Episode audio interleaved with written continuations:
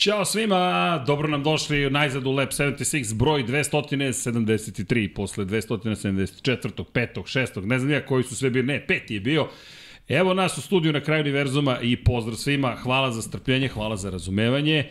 Evo me na, na našem mestu, zajedno sa mojim dragim prijateljima i kolegom, gospodinom Pajem Živkovićem. Ćao Pajo, Srki, dobro nam lepo došao. je videti te, bolje vas našao. Tako je dobro vidjeti te opet. Da, da.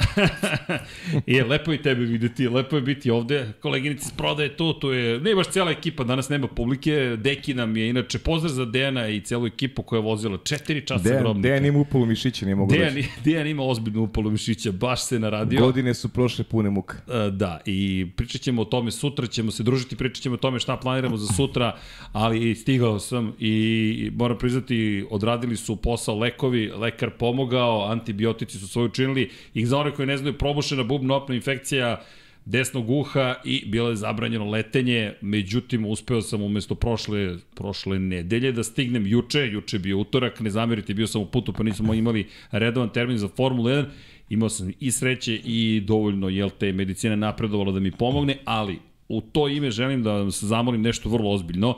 Vi znate da mi volimo da, da budemo neozbiljni, da, da se šalimo i tako dalje. Međutim, imamo ozbiljnu temu i ja vas molim, ovo je lični, ovo je lični apel i koliko god empatiju da osjećamo prema svakome za koga vas molimo da pomognete, ovoga puta posebno imamo jednu molbu, to je Maja, devojka koja je lepša polovina našeg dragog kolege Šoneta, Nenada Milunovića, koji je naš kolega sa sport kluba, koji mnogi ga znaju preko NFL-a, međutim radi veliki broj sportova, konkretno Šone ja smo radili na NFL-u zajedno, koliko znam, vi se znate baš dugo. Ma da, mi, mi drugujemo Decenijama. već, da, decenijemo, da, maltene od neki početaka novinarskih. I da. ovo je njegova lepša polovina koja je potrebna naša zajednička pomoć. Dakle, ukoliko ste u mogućnosti, ja apelujem na sve vas, cena SMS poruke 200 dinara, PDV se ne naplaćuje, 1445 pošaljite na 3030, to je fondacija Budi Human, imate na ekranu i dinarske račune i devizne račune, IBAN, Swift, svi kodovi su tu.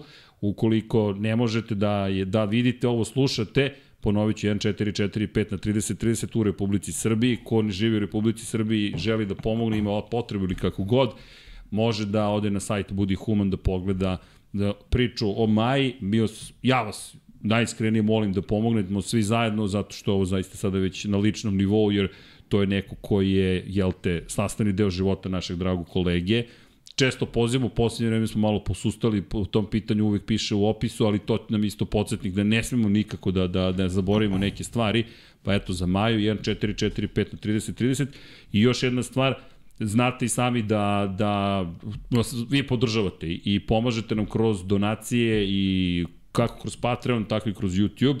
Večeras, ukoliko bilo šta budete donirali, dakle, kliknete na ikonicu sa dolarom i date pare, 30% nažalost će uzeti kompanija Google, zato što ne, ne može ni da zna da je to za humanitarne svrhe, ali onih ostalih 70% ćemo mi proslediti za lečenje Maje, pa zajedno da joj pomognemo da nastavi svoj život zajedno sa svojim šonetom i da naravno sve to bude mnogo neka lepa priča i tako dalje i tako dalje, da ne ulazimo u detalje, ali činjenica je da Maj potrebna pomoć svih nas, pa eto, koristimo priliku što imamo vašu pažnju da vas zamolim Uz za podršku. pomoć svih nas da pobedi Maja. To je to, a Maja će pobedi. Tako je. To je, to je pojenta cele priče, tako da znate šta god možete da učinite, svako malo i te kako znači, pa eto, to je, to je neki naš apel da ovo je trka za, za majin život. I pričat ćemo i o lepim stvarima, naravno pričat ćemo o Formuli 1, zato smo se iskupili u nekom starom sastavu, nekako ču- čudno je, e, d- d- deki je ne videti, Da, a, da, dugo nismo bili. Pa ne, znaš šta je ovo priprema za ono što nas čeka sledećeg vikenda? ja mislim da nas čeka mnogo toga Sledeći vikend Zabavnog. Da. Ulazimo u našu garažu, ovaj malu, ali ali ali udobnu ali, i naš. Ali efikasnu. efikasnu i kako god. Ovaj jedva čekam, ja i se radujem stvarno ovaj toj našoj maloj kabini. Ej, ostalo je 9 dana do prvih treninga. Bukvalno, da. 9 dana. Sutra inače testiranja. Za one koji budu pratili sutra Lab 76, šta ćemo da uradimo? Kao što smo pomerili neke stvari sa garažom 76, da oni koji nisu gledali, jedan, jedan čudan prenos, prenos, sediš u bašti u Čileu i čekaš signal iz Hrvatske, ali neverovatno je. U Čileu, Hrvatska, preko studija u Beogradu se emituje na YouTube-ove servere koji ko zna gde su i publika koja gleda gde god da i sluša. I hvala vam na tome. E sad, šta ćemo mi da uradimo? Ali uz pomoć Hasana Bratića, Hasan koji je već stigao u Bahrein, pozdrav za Hasana, doleteo je pre par časova u Bahrein, čuda nove tehnologije, jel te sediš u avionu i dopisuješ se sa ljudima, nema više, nema bekstva više od interneta da. ni na nebu. I dogovorili smo se sa Hasanom šta ćemo da uradimo, popodnevni trening ćemo ispratiti, dakle to je, ukoliko se ne varam, 13 časova i 15 minuta po centralno evropskom vremenu, od 1 i 15, tamo do 5 i 30 ćemo imati mogućnost, ne da gledamo, nažalost, ali da komentarišemo vremena, doći će Deki, doći će Miksa Toki, pa ćemo pričati o Formuli 1, šta je to bilo sve na grobniku, malo ćemo da se družimo sa vama, koliko imate pitanje koje na poslu, eto, može da prekrati vreme i na taj način da prekrati vreme. Ko budite produktivni poruka, ali gledat ćemo vremena, vremena toliko manje su, manje su bitna. Ono što ćemo da radimo, Hasan će nam slati direktno fotografije. Ekipa Infinity Lighthouse će inače biti tehnička podrška Hasanu tokom ovog testa, da vidimo da li možemo mi da pomognemo nekako gospodinu Bratiću da, da još brži bude i da, konku, da bude brži od agencija, to jest da bude jedan čovek jedna agencija. Šta to znači? Kako bude fotografisao nešto, to će stizati nama u studio S jedne strane ćemo obrađivati fotografije za Hasanove potrebe, s druge strane ćemo vama prikazivati šta se to zbiva na stazi. Tako da,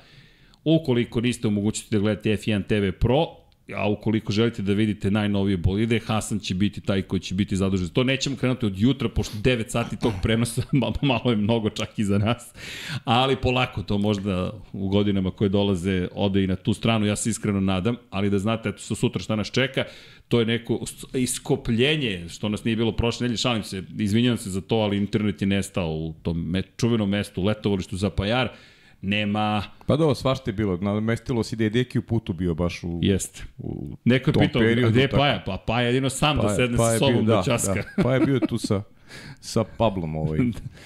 Da bio Don Pablo Mi smo, da, čuli smo, o... čuli smo, ovaj, čuli smo ka, ovaj, kako se zove studio. Studio, propustio sam mnogo toga, očigledno. Da, da. Ali tu smo da nadoknadimo. Tako da znate, test u Bahreinu trodnevni kreće, ima mnogo vesti. Odakle krenuti, ko zna, moramo da nadoknadimo prošlu nedelju, pričat ćemo i o najnovim bolidima, pričat ćemo o vozačima, pričat ćemo o povredama, o zamenama, pričat ćemo i o komisiji Formula 1 i o tome šta sutra bi trebalo očekivati na stazi, već imamo i raspored koji će se vozači pojaviti. Pa da, bit će i gume, ima neke ba. priče oko guma, oko sportskog pravilnika, Jest, tako, svega, ima svega, ima, ima baš, svega, da onako mešano meso, što se tako kaže. Da. Tako da vam želimo dobrodošlicu, evo, uvod 9 minuta, ponavljam još jednom, 1, 4, 4, 5 na 30, 30, ukoliko možete, molim vas, pošaljite poruku, to i tekako znači, a mi ćemo u narednim danima vas gnjaviti i ponavljati ovu poruku i kroz 99 yardi, kroz sve ljude sa kojima mi sarađujemo, tako da znate, to je neka kažem, malo i, i intimnija bitka za, za majn život, tako da eto, molim vas za podršku.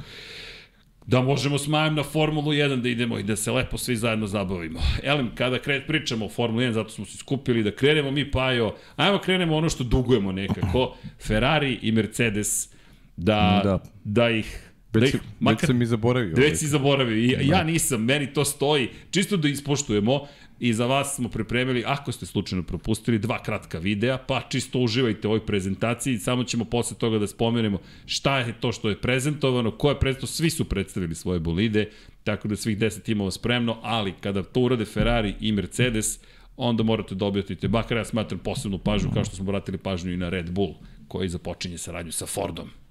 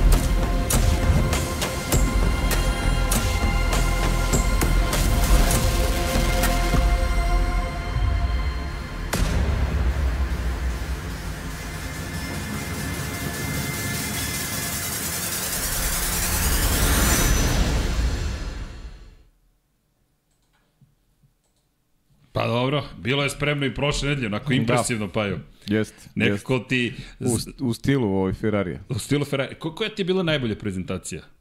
Pa Ferrari. Ferrari. Ako možemo kažemo titulu su osvojili za najbolju prezentaciju. Pa da, da, da ne kažemo ono što, sam rekao pre, pre početka. Pre početka, da. što se mene tiče, ali... Pa, ajde reći, u, u poziranju su najjači uvijek. To je, to je ovaj... Znaš, italijani imaju tog, tog ovaj, šmeka. Lepo znaju, je. Znaju kako to da naprave estetski da izgleda baš, baš dobro. Tako da, i to nisam ni sumnjao da će biti ovaj, da će biti će tako. biti dobro. A kako će izgledati u praksi, Znaš, sjetim se, ne, ne znam da svi onaj klip, onaj Frederika Vasera, kad su ga pitali kako će izgledati Ferrari sledeće godine. ne, Kad je rekao, ne. pa bit će crven. to, to, to. Znaš, e, e, to je možda i najbolji opis onoga što, što znamo sigurno. da će biti sa Ferrari. za Ferrari, da. Vidi, evo ga ovde i lepo Eto, izgleda. To, izgleda uvijek izgledao Izgleda fenomenalno. tako izgledao je. fenomenalno i uvijek je bio onako robna marka broj 1 i nema, nema tu dileme nikakve. E sad, šta će biti na stazi? Ne bih da se usuđujem da prognoziram. Čak ni sutra. Neće biti s vama sutra u studiju iz nekih ovaj, uh, Pa svojih obaveza. Da, pa tako da. je, ali ali ćemo ovaj da, da komentarišemo i sledeće nedelje u najavi sezone, možda eto malo više opipljivije. Ma da kažem ti, ja ta predsezonska testiranja nešto mnogo ne vredno. Uvek uz osmih ih ispratimo i kažemo, Da. ok, bilo je, više je to da se uzbudimo malo onako predigra. Bukvalno, da, da, Dobar da, se, da se zaigramo malo, da se malo zaigramo. Pa jeste, da se lepo zaigramo. Za, za timove će biti ozbiljno tri dana testiranja, ali ko kaže da ćemo vidjeti pravi tempo bilo kog od bolida? Ko A ne kaže da ćemo da vidjeti sve vidjeti, delove da. koje će koristiti kada dođe vreme za trku u Pa se, Bahreinu? seti se prošle godine presezonska testiranja kako izgledao McLaren na, na njima. U, u Barceloni izgledao kao da je pobednički pričali tim. smo o tome da ih čeka super sezona i dobili smo prvu, prvu trku u Bahreinu su bili katastrofa. Bukvalno katastrofa. Najgori u istoriji možda. A Mercedes koji je imao inovativni dizajn i sve je bilo fenomenalno u teoriji, da li je to još jedan od onih bolida koje niko neće moći da jel te, kopira narednih pet godina do, do, do stupanja na snagu novih pravila, na kraju se ispostavio to najgori Mercedes koji su proizveli u, novi, u, Jeste. mode, u Pa- savremenoj istoriji. Ta testiranja su za nas pasionirani ljubitelji Formule 1 gde volimo da vidimo prosto vozača na stazi i to nam je daje ovako neko, neki naboj, neko uzbuđenje uh, pred početak sezone, ali rezultati ne treba mnogo da, da ovaj, tumačimo i da, i da na osnovu njih ovaj, predviđemo šta će se dogoditi u Bahreinu kad počne sezona. Ono što smo videli je, jeste činjenica da postoje promene. Inače, rekli su da je ovo evolucija bolida. Enrico Cardile, inače čovjek Da. zadužen za, za šasije, je rekao da je Iako je ovo evolucija prošlogodišnjih bolida, u suštini su oni redizajnirali ceo bolid u potpunosti. Pa znali su gde su bili slabi prošle godine. Radili su na, na tim slabostima. I Praktično. ono što se što je rekao jesu zapravo da su radili na tome da promene zapravo sile vertikalne sile da budu jače i da promene ponašanje bolida kada reče o, pre svega o unapređenju ravnoteže bolida jer na kraju godine Ferrari nije imao ni jednu pobedu u drugom delu sezone. Ferrari je bio taj koji je trošio gume ili makar je to bio neki zaključak sa strane svih nas koliko god oni to poricali. Motor se dosta kvario u jednom momentu, u ključnim trenucima se kvario. Motor kažu da je neunapređen pošto nema više promene na motorima, osim ukoliko nije u pitanju jel te, pouzdanost, da je pouzdaniji i da će moći mnogo više snage da izvuku iz njega.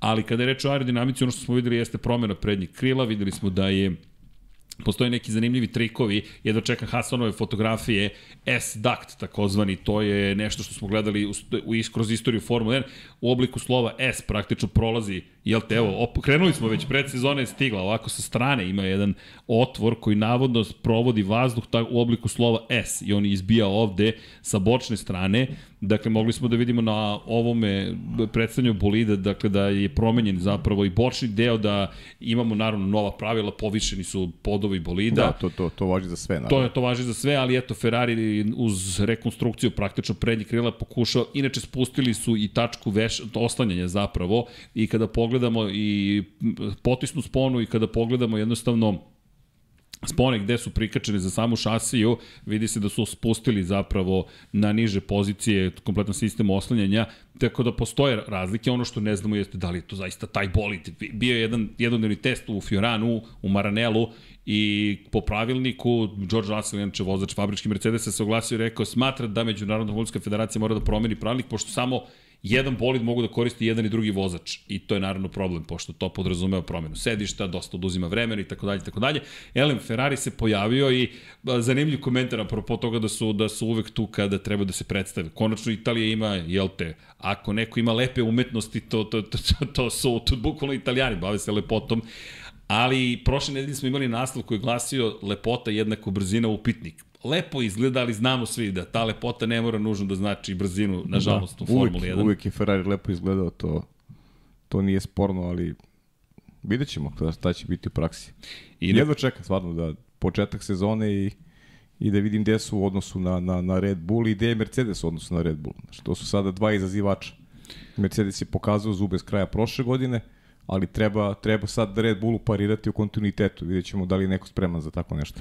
Da, inače, kada pričamo o nazivu bolida, ovo je SF23, da spomenemo i taj detalj s obzirom na činjenicu da Ferrari ima vrlo specifične načine obeležavanja bolida, od F1.4T, koji je bio oznaka da. za Fiat prvi 2014. pa posle toga SF15T, a pre toga, kako beše, F1.3.8 je bio, pa smo imali ovaj SF90 u skladu proslave 90 godina postojanja Ferrarija i tako dalje i tako dalje došli smo do toga da se ovaj zove SF23 u skladu sa sezonom. Čisto da konstatujemo, dakle, i to je promenjeno, pa vidjet ćemo da li će doneti unapređenje odnosno na prethodnu godinu. Naravno da su ogromno očekivanja od Ferrarija, pričat ćemo o tome u najavi sezone, ali čisto da ispoštujemo tu prezentaciju koja se desila prošle nedelje. Neko mi pitao i tokom pre, prenosa iz, sa Grobnika, zapravo iz Čilea, trke u Grobniku, koja mi je prezentacija bila najbolji. Nekako Ferrari kao da se podrazumeva da će izgledati impresivno. Jeste bilo impresivno i kada pogledamo sve prezentacije, tu su podneli op, top, Me, op, meni, meni, meni je bila najbolja prezentacija. Sad, opet, to je sad pitanje, ajde da kažem,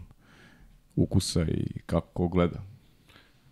Da, me, to nije toliko bitno, ali zabavno što potpuno, ti kažeš, vidi, zabavlja nas pred sam početak. nebitno za, za samo takmičenje. Inače, kada govorimo o promenama, pričat ćemo o njima mnogo više sutra, dakle, baš ćemo se baviti analizom svakog bolida, pošto sada još uvek čekamo da Biće vidimo. Biće na stazi sutra, da. Tako je, i Hasanove fotografije s nestrpljenjem čekamo. Hasane, ako slušaš, pred garažu, pred garažu, pred početak treninga, molim te tamo garaža, sve, svako krilo, svaki, evo ovako, Hasane, molim te, Aston Martin slika i ovaj ovde deo, ovako, ovako, ovako, ovako, ovde je obrati pažnju na Ferrari, pošto tu ima taj prolaz, jedan otvor koji izlazi na bočne strane, dakle, da vidimo zapravo rešetke za hlađenje kako izgledaju, da li su tu škrge ili nisu, nisu kopirali Red Bull, ali je zanimljivo bilo vidjeti ta kadica koju su uveli prošle godine, kako kako se kombinuje. Mnogo timova kombinuje rešenja koji su imali Red Bull i koji, koji imao zapravo Red Bull kada je reč o spuštenom donjem kraju i kada o spuštanju na dole koandinom efektu, a kada je reč o Ferrariju, ta kadica je dobila takođe svoje mesto, pa eto svako je da ostavio svoj trag već na ovu novu generaciju bolida. Do 2025. ćemo ih gledati zaključno sa 2025. u ovom obliku u velikoj meri. To su još dve sezone posle ove godine, a onda dolazi naravno novi pravilnik 2026. O tom potom, ali verto će to doći mnogo brže nego što da, mislim. Da, i tu, i tu je interesantnih priča ima i za, pričat ćemo kasnije pričat ćemo. Hondi, naravno. Honda neizbežna tema i danas. O, mnogo ozbiljna tema, jest, s obzirom na činjenicu da su baš veliki pa, promene. Pa verujem da će ti sutra se baviti time. Hoćemo, hoćemo. Ali vidi pa, ono što si ti najavio već se de... Dve stvari se dešavaju koje si najavio. Kako si izgovorio McLaren Honda, počele su tekstovi da se da izlaze McLaren Honda kombinacija, kako se izgovorio Alfa Tauri Honda, tekstovi Alfa Tauri Honda su se desili. Tako da, kao i uvek, moć predviđanja je tu, ali lepo je bilo videti Ferrari prosto da se pojavio i ajde da vidimo da li Charles Leclerc i Carlos Sainz zaista mogu više.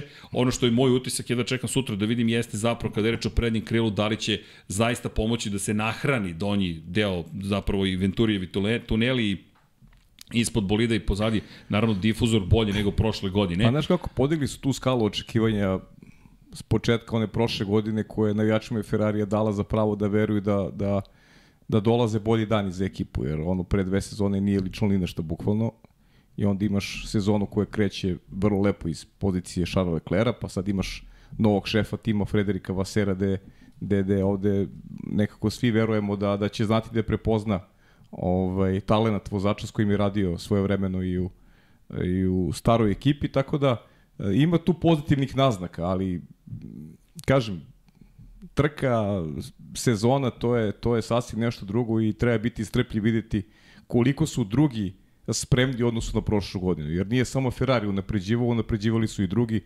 pripremali se naporno za, za tekuću sezonu, a ono što, što je problem Ferrarija, pa ne znam, ajde ispravim ako grešim, ali još tamo od pa još od Kimi Rekoena i te šampionske titule Ferrari nijednu sezonu nije uspeo u kontinuitetu da bude da bude na vrhu jer stalno su bili tu neki, negde onako po, po periodima u pa sezoni. Pa jedino Alonso, Alonso 2010 bravo. i 2012. Alonso, da, ona, ona 2012. pogotovo. Možda onaj incident sa Grožanom koji je koji ga odvojio od titule, ali, ali je Ferrari bio konstantan. Aj, slaže se tobom da, da, je, da je Alonso možda i posljednji vozač koji je bio konstantan s Ferrarijem od početka do kraja.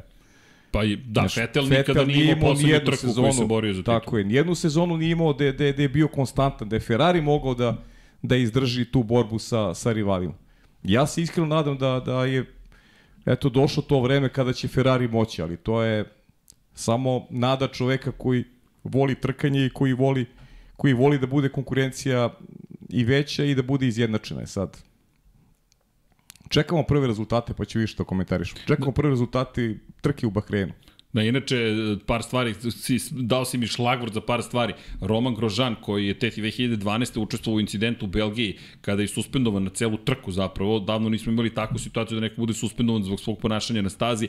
Roman Grožan je toliko ozbiljni incident izazvao da je suspendovan bio na jednu trku i njegovu karijeru je Erik Bulije zapravo spašavao, Jest. bukvalno u pa tadašnji šef bukvalno. Lotusa. On, on je spasao, praktično kasnije šef Renaulta, pa kasnije i šef McLarena, ali ono što je pojenta, Roman Grožan je imao i čuveni incident 8 godina kasnije u Bahreinu, ako ste zaboravili upravo na stazi koju ćemo posjetiti što ovog vikenda kada je reč o testiranju, što naredne nedelje, pošto počinje, jel te, nova šampionska sezona Formula 1 baš u Bahreinu i taj bolid iz incidenta 2020. koji je bio prepolovljen, goreo na buktinju, na eksploziju koju smo ti radili i komentarisali uživo, će biti zapravo izložena u Madridu. Inače, pozdrav svim MotoGP-evcima, juče je prezentovan pola Madrida je zaustavljen, pola centra Madrida je zaustavljen, mnogo ljudi izašlo na ulici da vidi novu Hondu, Marka Marquez i Joana Mira, vrlo lep događaj, Mnogo me obradovalo što je toliko ljudi došlo da vidi motocikle, ali za pa, super da lokacija, super jest. lokacija. Madrid da. prelepi. Zaustaviš kako? Madrid i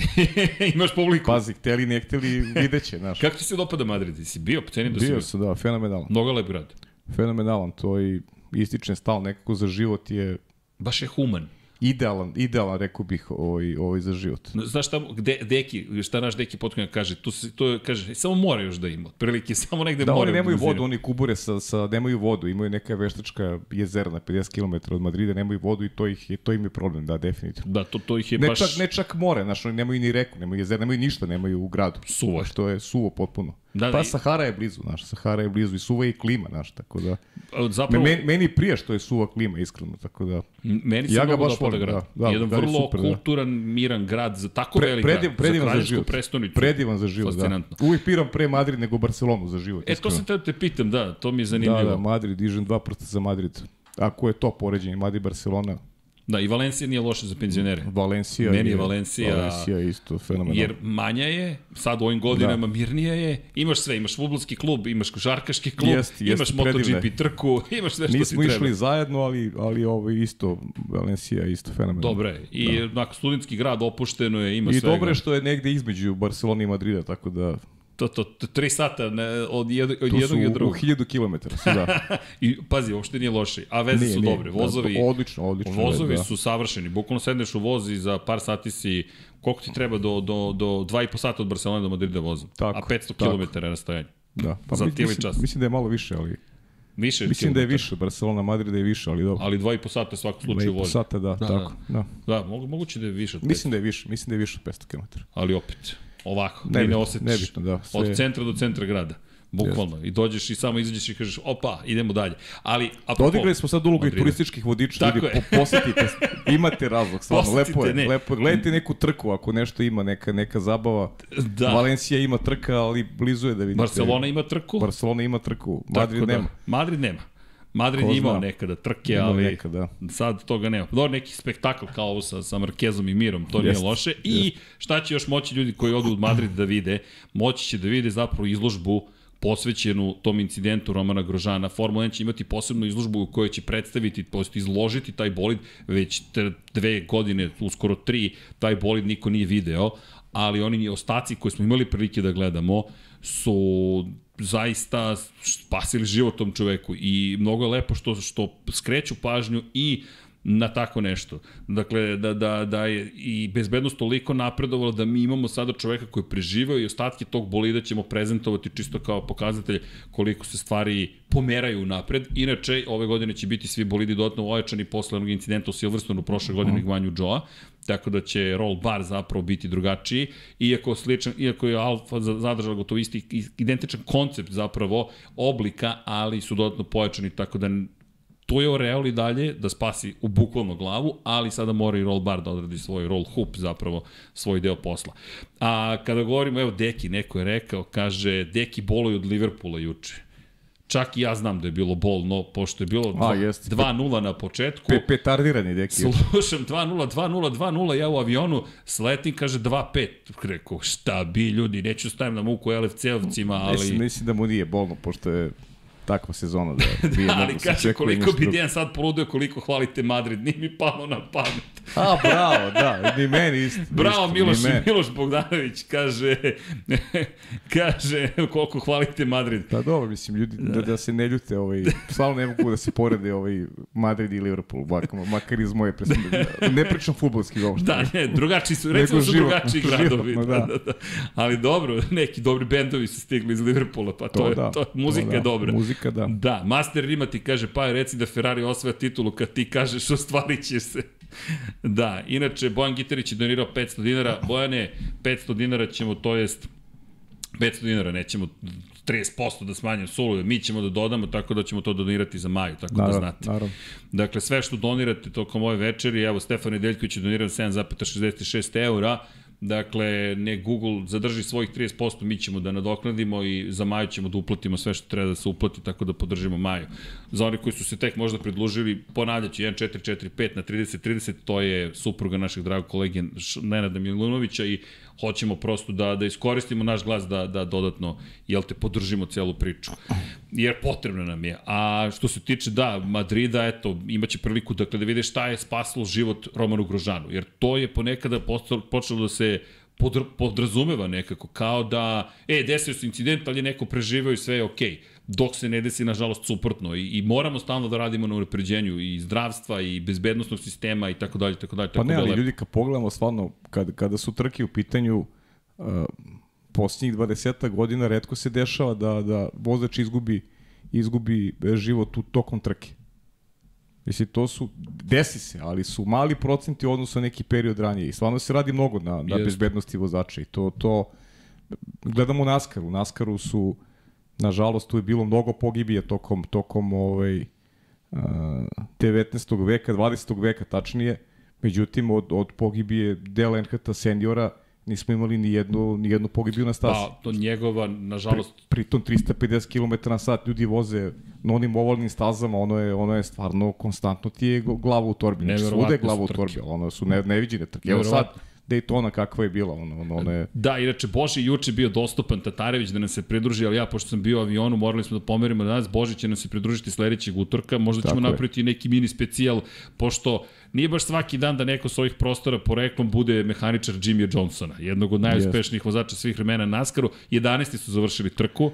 Uh, šteta bio je sedmi u jednom momentu da. i onda je onda je The big u finišu da Košan je se dogodio sudar gde on bio kolateralna šteta. 13 vozača učestvovalo u incidentu. Tako je, bio je kolateralna šteta i tu je izgubio, tu je izgubio da kažem priključak sa vodećima nažalost, ali ali jedna odlična trka neko ko se povukao još pre dve sezone ili tako. Jeste. Odradio je stvarno super Daytonu i svaka čast i Božiju, svaka čast i velikom Jimmy Johnsonu, naravno. Ne, ne, bilo je mnogo lepo gledati celu priču i prosto Znali smo, čekamo uvek taj tako čuveni Big One ga zovu, veliki incident i desio se ponovo. Desio se više u finišu. Ovo je bila najduža trka Daytone u istoriji.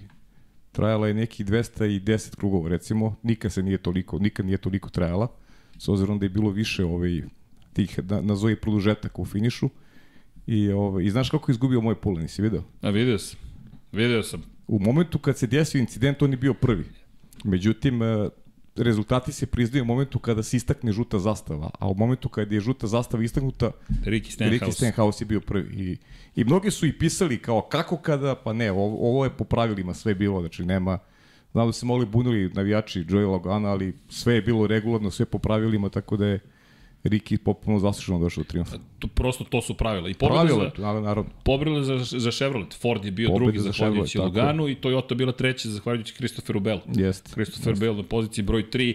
Ga- Kažemo, Jimmy Johnson je nama bio, navijali smo za Jimmy Johnsona zbog Božija. Da. Boži i posle da je garaža 84 Legacy Motor Club u Cheviju i pričat ćemo s Božim sledeće nedelje, posjeće nam fotografije, videe koje sme da pošalje, tako da ćemo malo još to dodatno da približimo, ali taj tim je počela sezona, ali da, specifičan je NASCAR, najveća trka je na početku sezone. Jeste, I to je jedinstven po šampionat, ali prosto smo morali eto da, da, da, da spomenemo i kao što si rekao, od, od zapravo pogibi Dale Earnhardt nismo imali tako veliki incident, a njegova pogibija kako to obično biva, je dovela do toga da se Hans uređaj uopšte uvede. Jest, On je bio veliki protivnik Hansa Tako je. i tragedija je da je zapravo poginuo tako što mu je nažalost prelomljena kičma, to jest vrat je stradao kičmena moždina ne od udarca, već od siline zapravo promene smera kretanja vrata i posle toga NASCAR jednoglasno doneo odluku, da, obavezu da svi moraju Hans da nose. Hans, za one koji ne znaju, sada je to sastani deo opreme, stavi se na ramena, zakači se kajševima i šta se događa? Ako dođe do negativnog velikog ubrzanja,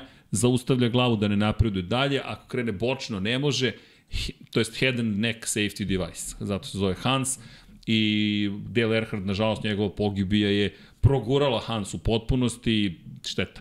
Šteta je ogromna da, da se izgubi život, tako da eto, zato spominjemo i, i te stvari kao što je uticala, nažalost, pogibi, pogibija Žila Bjanke na to da, da uvedemo Oreal koji spašava glave na sve strane. Tako I da to svedoci smo od, od, bukvalno tog momenta koliko puta smo kostali u prenosu ovaj, da, Da smo zahvalni za- da za smo Oreal. zahvalni jer je nekom, nekom bukvalno uh, Oreal spasio glavu. Tako da, eto, apropo Grožana, odo smo na digresiju, ali dugo nismo Nema radili pa, digresiju, nema veze, pa ne ljudi, ali mislim pričamo o šta pričamo, pričamo o predstavljanju bolida, Pa, ok, znamo. vraćamo se malo, da imaćemo nekih tema, ali mislim da ovo baš onako jedan, jedan lep podcast gde možemo neobavezno da Pa časkamo da, ovaj I da se ocean. malo družimo. Ej, dobar ti je. Dux, čekaj, zašto crno-beli? Je- Pa dobro, mislim, Kao ne to je, znamo. da, da. Tradicija da, se mora to je- ispoštovati. jeste. Ej, ja, ja, ja ne krijem svoje navijačke pripadnosti, ali ovaj ali generalno naš volim prosto volim ovaj volim crno, volim plavo Dobro recimo, stoji. nešto to je, da. A vidiš da smo u, Da, crno i plavo. crno da. i plavo. Da, inače, dukserice su tu. A ovo pa, zbog eto. Mercedesa, zbog Mercedesa. ce, to je sledeća tema, vidi, to nam je sledeća. Samo da nam ne pobegne. Krenuli smo od Grožana 2012. koji je nekak, neki način iz koloseka izbacio celu tu potencijalnu šampionsku sezonu. Fe- Fernanda Alonso, htio da reći Felipe Masi, Fernanda Alonso, Alonso koji ove godine u Aston Martinu pričat ćemo i o tome, da još uvek vozi i to lepo je što vozi, brzi i dalje, ali eto, pre 11 godina je Grožan prosto nehotice uticao na to. Ne zaboraviti, imao je incident sa Kimim Raikkonenom u Suzuki te godine, takođe Fernando Alonso, tako da nije bio to jedini incident u drugoj polovini sezone, koji otvorio vrata Sebastianu Vettelu i Red Bullu da, da, da odbrane titulu zapravo i treći put za redom postanu šampioni sveta. Vettel koji se penzionisao, više ne vozi u Formuli 1, ali nas to dovodi negde i da, apropo priče o Ferrariju, vidit ćemo zaista da li mogu celu jednu sezonu da od početka do kraja budu takvi kako treba da budu. Ono što je najveće pitanje ostaje Frederik Vaser, novi šef ekipe, da li će zaista uraditi ono što je rekao, a ako se ukaže potreba da se definiše vozač broj 1, da li će to zaista učiniti ili ne. Pa znaš kako ja vidim stvari, mislim da je zbog toga je doveden. Jedan od razloga zbog kojih je doveden. Jer šta, šta drugo može se zameri Mati Binotu? Tehnički ništa. Tehnički ništa, ali vođenje tima možda mu se zameri. A ako će Frederik Vaser da balansira kao što je to radio Binotto, pa čemu onda te promene? Ja sam očekivao da će biti još promene unutar ekipe. Nisu se dogodile. Ne, ne znam zbog čega, iskreno. Ali ajde da verujemo ovaj, svi zajedno da Frederik Vaser zna šta radi. I da on ovaj, tu ekipu drži na okupu i da, da će njegova biti poslednja. I da namerava zaista da, da definiše pozicije. Pritom, srđene, ako je, ako je Carlos Sainz taj koji će u prve 3-4 trke bude bolji od, od, od Leclera, ok, daj, daj, mu, daj mu šansu da bude vozač broj 1. Ako je on taj koji će konstantno da, da pobeđuje Maxa Verstappena na stazi, da pobeđuje Luisa Hamiltona, ljudi, ajmo, to je, to je onda Carlos Sainz. Ništa nije sporno. Znaš, niko ovde ne protežira sada Charles Leclerc. ili drugog. Prošle godine je Charles Leclerc bio ubedljivo bolji vozač na, u garaži Ferrarija od svog kolege. Nije dobio adekvatnu podršku. Ko će se sada nametnuti? Ko se nametne treba dobije ulogu vozača broj 1. I to je to. Kao što imaju sve druge ekipe, šampionske ekipe. To je, to je bio jedan od mojih komentara. Šta, šta ćemo ako, jer je dosta pitanja, šta se desi ako šak, to je kada Charles Leclerc bude bolji. Niko ne postavlja pitanja, a šta ukoliko, neka bude isplet okolnosti, nešto se desi na stazi, desi se nepozno, nepozno bolida kvarovi i tako dalje, i Carlos Sainz se izdvoji i bude tu. Jel kažeš onda, ej, vidi, Charles, ti ideš na poziciju broj 2, moramo podržimo onoga koji ima najveće šanse. Ili kažeš čekamo polovinu sezone, jer do polovine sezone ako Verstappen i Red Bull budu kakvi su bili prošlih godina, mogu da zaborave mislim, da se boriti. Mislim da u sportu, pogotovo ovako, u sportu koji jeste ekipni, ali ipak je, je pojedinac ovaj, taj koji je važan, koji je najvažniji u stvari, ne sme da se gleda na osnovu starih zasluga. Ja mislim i u Mercedesu će Lewis Hamilton imati ulogu vozača broj 1, ali šta ako se Russell nametne s početka godine? I on bude pratio Maxa konstantno. Pa Mercedesu bi bili ludi ukoliko ne podrže George Russell. Prave grešku. Svi mi očekujemo. Veliku grešku. Ja zaista mislim da su, da su najveći favoriti uh, Lewis Hamilton i Max Verstappen. To je moje mišljenje. Da su to najveći favoriti, da su to vozači koji mogu u kontinuitetu da voze na najvišem nivou. I negde smatram da je Charles Leclerc taj koji je vrlo blizu tog nivoa možda ove godine čak i, i dođe na taj nivo. Ali ljudi, sport, to je živa stvar. Nikad Život. ne znate kako će, da se, kako će stvari da se odvijaju. Nedostatak sreće, e, lo, loša forma, desi se nešto što što utiče na vas da ne možete pružiti najbolje. Možda taj drugi vozač nominalno koji je drugi koji u našim glavama drugi možda uradi, možda se pripremi za sledeću godinu na pravi način, možda izvuče nešto što što možda mi do sada nismo videli. Ili, ili, ili možda nismo prepoznali. Možda, i, da, ili to se, to se kao sa Nikom Rosbergom, koji pa je spreman da ide do kraja. Pa evo Srki, ajde, ti, koliko ti ja komentarišemo, koliko radimo, mislim, pratimo mnogo duže nego što komentarišemo, ali od kako komentarišemo, ti si imao samo jednu godinu u kojoj u jednom timu nije bilo podele na 1 i 2 i oni su se borili za titulu, pobedio Niko Rosberg. Imali smo Kimere Kojena davnih dana kada je uh, nije bio vozač broj 1 osvojio šampionsku titulu. Ti manje više imaš sve sezone iskristalisane, gde, gde tačno znaš ko je jedan, a ko je dva. Pa možda 2010. tad nismo komentarisali. Da, Sebastian Vettel, i, Vettel, i Vettel i Weber, bravo. Weber. Bravo, Eto. zaborio sam. Pravo, Ali posle toga pravo, više nije bilo diskusije. Posle toga nije, da. To, to je bila sezona gde je Weber imao svoju šansu. Malu, zaborio ali imao. sam, da, jeste, jeste, to je, I, to je to. I to je bilo to. Sve ostalo je bilo vrlo jasno definisano. Tako je. Max Verstappen je doveden do osvaja titule, Lewis Hamilton je doveden do osvaja titule, čak i sa Rosbergom je Rosbergu rečeno vrlo brzo još u nešampionskom bolidu skloni se da Hamilton preuzme Šta, poziciju. Pa Rosberg je pr prva njihova trka se sklonio Hamilton. Sklonio se Hamilton. Prva trka Hamilton i to ne za pobedu. Ne za pobedu. Nisu bili ni blizu pobede. I već se definisalo ko zapravo gde Tako stoji je. u celom poredku. Tako je, znalo se, znalo se gde gde dolazi Hamilton Luisa. Hamilton je kao zamena za Mihaela Šumahira, to isto da ne zaboravimo. Nije zamenjen bilo ko. Tako Mihael Šumahir je otišao u penziju, na njegovo mesto je došao Lewis Hamilton. Tako sa jednom titulom, sad ih ima sedam.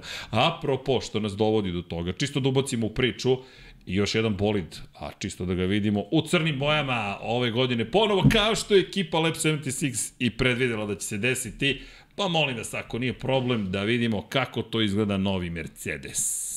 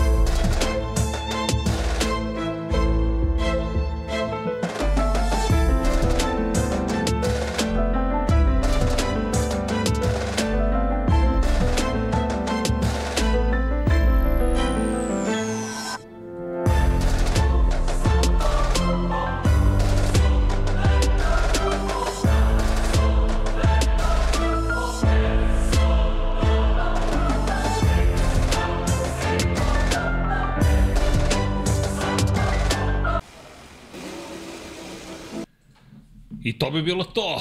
Dakle, Mercedes u crnim bojama, kao što smo negde rekli. Da. Neću da kažem znao sam, ali znao sam da će ovo da se Pa desi. dobro, kaže, jeste tako bilo. Da. Bilo je Rekao tako, si- sećaš da je- da je bila tako, spekulacija. Sećam, se- sećam se i da prvi si rekao, imam neki osjećaj Da će da, da, će se... biti crna boja i jeste bila crna Znam da su izveštaji bili, ne, ostaju srebrni, ostaju srebrni. Rekao, nema šanse. Još onaj Instagram post kad sam video, rekao, ovi ljudi nas podsjećaju da je postao crni Mercedes. Inače, 70% je bez boje, bez farbe, to su ugljenična vlaka, 30% je farba. Da se razumemo, neko je pitao da li postoji u pravilniku, nisam našao, moram da vidim da, da bolje pretražim pravilnik, da li postoji obavezna količina farbe koju morate da imate na bolidu. Koliko znam, ne, ali Mercedes sticam okolnosti je 2020. u to vreme u da kažem, ajde, ne znam da li su to političke svrhe ili društvene svrhe, u svakom slučaju društvenu poruku hteo da, pos, da pošalje i podršku Luisu Hamiltonu, dakle, kada je reč i o, o borbi za ravnopravnost i kada je reč o boji kože i kada je reč o borbi bilo koje vrste, da li je to religija, da li je to nacionalnost, bilo šta, dakle, da smo svi jednaki, da svi treba da imamo iste mogućnosti i prava.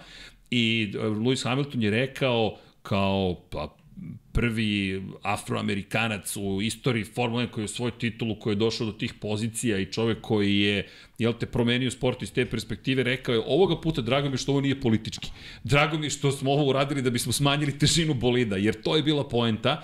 Inače, pričat Da. ćemo i o tome, ukratko o tome da šta smeju vozači da pričaju ili ne, ali ono što je glavna tema u ovoj situaciji jeste zapravo crna boja. Nema boje i zato sam i mislio, rekao, 100% idu, idu i oni da smanje kilažu. Lepo, logično si sve povezao, zaista i bravo Srki. Be, morate reći, baš sam zadovoljan zato što nekako, e, kada izgovoriš nešto, znam da će se desiti. Deki najavi tri godine unapred neka tehnička pravila. Rekao, čekaj malo i ja nešto da pogodim, a majka Dobro, mu nemoj sad stara. da si skroman, ne, nemoj da si skroman. A dobro, to, ali, ali bilo zabavno. Čisto, pošto sam u tom Jeste, momentu jeste. negde daleko i nekako drugačije kad sedimo ovako zajedno i pričamo. Mada moram priznati da su bili super podcasti i Pa ovako. jesu, ali drugačije, zaista je drugačije. Lepša atmosfera. Pa lepše, naravno Čovek da je kad je tu. da. Elem, crni Mercedes, to ste mogli sami da vidite i da, smanjili su težinu. Ono što je međutim ključno, zadržali su ono što su i prošle godine jedini uradili, a to je zapravo bolid bez tih bočnih strana širokih i niko ne zna gde ih to, gde ih to vodi. Toto Wolff je već sada rekao da na osnovu tog prvog dana testiranja u Silverstonu deluje da i dalje zaostaju za konkurencijom. E sad, ja ću tu da citiram mog dragog prijatelja i, i pametnog čoveka Paju Živkovića, jedno je šta kažeš, drugo je šta se stvarno dešava na stazi, nemamo pojma, ali rekli su ukoliko ovaj koncept, dakle bez bočnih stranica ne upali, sredinom sezone prelaze na verziju bolida B koji će biti neka kombinacija onoga što su radili što Ferrari, što Red Bull i to su otvoreno Mislim rekli da veruju ovo, mislim da oni veruju u ovaj projekat. Da. Ovo Oni deluje da je veruju, to to. Ovaj, I Mercedes je neko i Toto Wolff uvek su znali da malo povuku ručnu, da, da ne daju neke bombastične najave za razliku od, od Ferrarija. Tako da vidjet ćemo, opet, opet isto važi što je za italijanski tim, ajde da, da sačekamo da sačekamo prvu trku. Bahrein je mnogo toga pokazao, definitivno. Jako smo mi, to evo ja lično, početak prošle godine smatrao sam da ima rezervu u tom Mercedesu, da to nije prava slika, ali sada na, na osnovu uh, 2022. siguran sam da ćemo Srki imati u ponedeljak posle trke da ćemo imati onako jednu analizu lepu i imat ćemo jasne smernice u kom pravcu sezona možda ide. Jer tad će maske da padnu, tad ćemo, tad ćemo vidjeti sve. Pa da. Tad ćemo vidjeti sve. Pazi, ovo je, ja mislim sada situacija u kojoj moraš, apropo tvoj komentara, da cijela sezona zapravo za Ferrari mora da bude na, na ujednačenom nivou. Podsjeća me velikoj meri na nešto što smo pričali stalno o Red Bullu. Red Bull je početke sezone imao vrlo loše zapravo, kasnije je sustizao Mercedes u, u, u eri vladavine Mercedesa. jest. Tek kada su sredili početak sezone, su došli do toga da osvajaju titul. titule. I pazi, i prošla godina, prošla godina Red Bullova počet, Red Bullov početak sezone je bio dobar. Nisu završavali trke. A ti si vidio da oni mogu da se trkaju sa Ferrarijem. Da oni imaju, da oni imaju tempo za, za trku sa Ferrarijem. I čak ta odustajanja uh, nisu poremetila recimo ni tvoje, ni moje, ni Dekijeve ovaj, neke smernice ovaj, kako će izgledati Red Bull nastavku sezone. Mi smo znali da će oni biti dobri. Jer to je pokazao Bahrein. I kvalifikacije i trka do momenta dok Max Verstappen nije morao da odustane. A Mercedes, Mercedes je imao problem. Međutim, to su opet one oni recidivi prošlosti. Nisi hteo, prosto nismo hteli da verujemo da, da je to realno odnos snaga. A sada ćemo, sada ćemo imati sve otvoreno. Sada ćemo posle Bahreina zaista znati e, šta možemo da očekamo od 2023. Meni, morate priznati da ova sezona deluje da, da si baš lepo rekao da će već početak biti toliko kritičan da ćemo znati vrlo dobro šta nam se sigurno, sprema. Sigurno. Jer obično mi kada pogledaš kalendar i kada kažeš, aha, čekaj, gde krećemo ove sezone, kako mi krećemo i šta će se sve dešavati. Da sve ti u aprilu već imaš mes dana pauze. Tako je, ali pazi, 5. marta Bahrein, 19. Da. marta Saudijska Arabija, 2. aprila velika nagrada Australije i onda imamo četiri nedelje čekanja do Azerbejdžana. Tako je, tako je. Prve tri trke, pri čemu 23 trke ove godine imamo, nema velike nagrade Kine, otud imamo i tako veliku rupu zapravo u kalendaru, pošto je trebalo 16. aprila da bude na, na programu velika nagrada Kine u Šangaju, to je trebalo da bude trka broj 4. Nema je, prosto ništa je ni zamenilo. I sad, posle tri trke već, zašto kažem tri, iako prošle godine Charles Leclerc posle tri trke ima ogromnu prednost. Međutim, ove godine misle da je situacija drugačija. Prva stvar, mislim da, i to je Honda potvrdila, da problemi koji su imali na početku prošle godine neće se ponavljati. Ona je bila ultra pouzdana kasnije tokom sezone. Ne, nema takvih promjena ove godine. Dakle, Honda ima brzinu, ima snagu, ima pouzdanost sada. Nešto može da se desi svakako, možda nešto drugo s bolidom. Ali, da. ali ti sada, ako si u Ferrariju, i ti si sad Charles Leclerc ili Carlos Sainz, pa ne možeš da kažeš obrnuto. E sad, možemo da imamo lošiji početak sezone jer bit će bolje kasnije. Kako? Imao si savršen početak prošle sezone i ništa ti nije pomoglo. Ti ne smeš da budeš ispod nivoa koji si imao prošle godine. Pa ne, Ferrari kad ne počne dobru sezonu, to znaš da je put u prošlost. To je kraj. U propast. To je kraj, bukvalno. Jer oni, oni se nešćaju kada su, pa eto, od, od Fernanda Alonso, lepo si rekao, oni se nešćaju kada su posljednji put imali dobar drugi deo sezone. A i pazi. I to je bio Sebastian Vettel, ali samo do Monci. Ali čak i ta 2012. da li je bio dobar drugi deo sezone ili je bila tolika prednost posle prvog da su oni mogli da se drže nekako Red Bulla i Fettel? Pa ima i toga, 46 pojena prednosti, ali, ali Fernando Alonso bio, bio je, je dobar. konkurentan, bio je dobar, dobar. Znaš, nije bio nije, nije, što se kaže, propao ovaj, u, u poredku kao što je to bio slučaj sa Fettelom nakon Monci. Ali generalno Ferrari, taj drugi deo sezone u prethodnoj dekadi je onako prilično sporan, problematičan i, i Ferrari je uh, pokazivao, pokazivao znake neke, nekog starog sjaja jedino u slučaju kada je počeo dobro sezonu. Zato je za njih Bahrein od velikog, od velikog značaja. Te godine Alonso nije pobedio u drugom delu sezone. Svaki put bio na pobedničkom postolju. Nema trke koju je završio da nije bio na pobedničkom postolju. Sva, drugi, drugi, treći, drugi, drugi, treći, pa, evo, treći, ti, drugi. Ti kad pogledaš, nismo radili analizu, sa pričamo iz glavi i ti ja, u prethodnoj dekadi To je ja mislim da na prsti jedne ruke možda izboriš pobede Ferrarija u drugom delu sezone. E, to bi trebalo da bacimo pogled, baš bukvalno šta se dešavalo Evo, kada reče... Moje, znači, stvarno nisam, stvarno nisam gledao, ali rekao bih da, da, da, su, da je to na prst jedne ruke možda se izbrojete pobede. Da, inače, hvala Wolfu 030 kaže, ama ljudi nije Amerikanac, on je Britanac za Luisa Hamiltona. Jeste, to je moja greška, tamnoputi vozač, evo, da budem precizniji, ali čovjek jeste Britanac i treba tako i da... Nisam, nisam ni čuo da si rekao. Da, rekao sam afroamerikanac, ali pojenta je da je tamnoputi vozač i da je to razlog zašto je i prešao na crnu boju te sezone bio Mercedes. Hvala Wolf da, okay, 30 okay, na da. korekciji. Da. Elem, Ferrari, čekaj da vidimo pobede u drugom delu sezone. Pa evo, prošle godine, na prošle polovini godine, godine 10. 11. trka, pobeda Sainca u Britaniji i 11. od 22 trke, pobeda Charles Leclerc. I to je to. Kada govorimo o 2021. nisu imali ni jednu pobedu, kada govorimo o 2020. nisu imali ni jednu pobedu tokom cele sezone. Kada je reč o drugom delu sezone 2019. godine, da vidimo tu situaciju, tu je, tu je bio onaj moment Charles Leclerc kad je pobedio dva puta, jednom Sebastian Vettel, ali ni jednom nisu pobedili u prvom delu sezone te 2020. Da, ja sad, sad, sad sam gledao drugi deo sezone, ali bukvalno... Pa evo ti, jedna pobeda Vettela u 2018. jedna pobeda Kimija, jedna pobeda Vettela 2017. u drugom delu sezone, 2016. nisu imali ni jednu pobedu, 2015. ukupno tri pobede i to je onaj moment kada je došao Vettel, jedna pobeda u drugom delu sezone, pre toga Alonso i Kone nisu imali ni jednu pobedu cele sezone, 2013. ni jedna pobeda u drugom delu sezone, 2012. ni jedna pobeda u drugom delu sezone, Eto, 2011. ni jedna pobeda u drugom Eto, delu malo sezone. Sam, malo sam pretro, znači ima neki 7-8 pobeda ima u drugom delu sezone. Ja sam rekao na prst jedne ruke, možda ima više. Eto, pa, ali to je eto, to. Eto, ima ih ukupno Jed, uh, ovu prošlu godinu ne računam, 1, 2, 3, 4, 5, 6, 7. Eto. 7 i onda moraš da se vratiš u 2010. kada je Alonso, Alonso. zapravo imao četiri pobjede u drugom delu sezone od ukupno pet te godine. I tada su se borili za titulu. Jeste bio treći na kraju sezone, ali su se borili za titulu šampiona sveta. Kao što Ne, si tako, rekao. tako se ne osvaja titul. Ne, tako Znači, se ne nisi, osvaja titul. nisi konkurentan. I to ti je i Ličio, zato... si, ličio si na nešto kad počneš dobru sezonu i kad napraviš razliku bodovnu, ali ne možeš to da ispratiš do kraja. E, I- to, je, to je ozbiljan problem. Znači, A sad, problem. ovaj Mercedes deluje bolje, ba, ba, bar je lepši, meni makar lepše izgleda upečatljivije nego prošlogodišnji. Prošlogodišnji neko na početku mi izgledao čudno. Čekajte, šta se desilo s bojem? Niti je srebrni, niti je da. Crni, niti je lamo, niti je ramo. Sad znamo, ok, e sad da li je brz, nemam pojma. Zaista, to, apropo testiranja, ćemo nešto makar da otkrijemo. Nešto da. Ali Bahrein, tr, prva trka, jedva čekam, jer i Mercedes ista priča čeka. Ako dozvole da Red Bull odskoči, a prošle godine, pazi, u Bahreinu odustao je Max, odustao je Čeko. Obojica su odustala. Dakle, ako obojica završe trku, gde Red Bullovci završavaju trku? I sad, a ti imaš u miksu, ako je Mercedes uradio dobar posao, i Ferrari i Mercedes, jedni drugi Ali opet, znaš kako, ja recimo neću odustati od Mercedesa i ukoliko ne počne dobru sezonu. E, Jasno.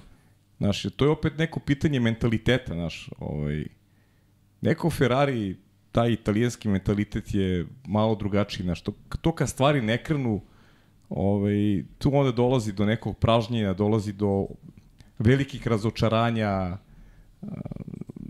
sve nekako krene nizbrdo, a, a mentalitet a, Nemac je malo drugačiji. Ovaj, oni gledaju da poprave što, što brže da poprave stvari, da se prilagode, da ne predaju se ovaj, tako lako. Znači, to je neki, neki moj pogled, pa vidjet ćemo šta će biti u krajnjem slučaju, ali slažemo se oko, oko najvažnije stvari. Bahrein, vrlo, vrlo važna polazna tačka za, pre svega za izazivače, za Ferrari i Mercedes. Neko, svi znamo za Red Bull da će on biti konstantan i sledeće godine. Da, Red Njima, Bull. njima, njima neko najviše verujemo sad.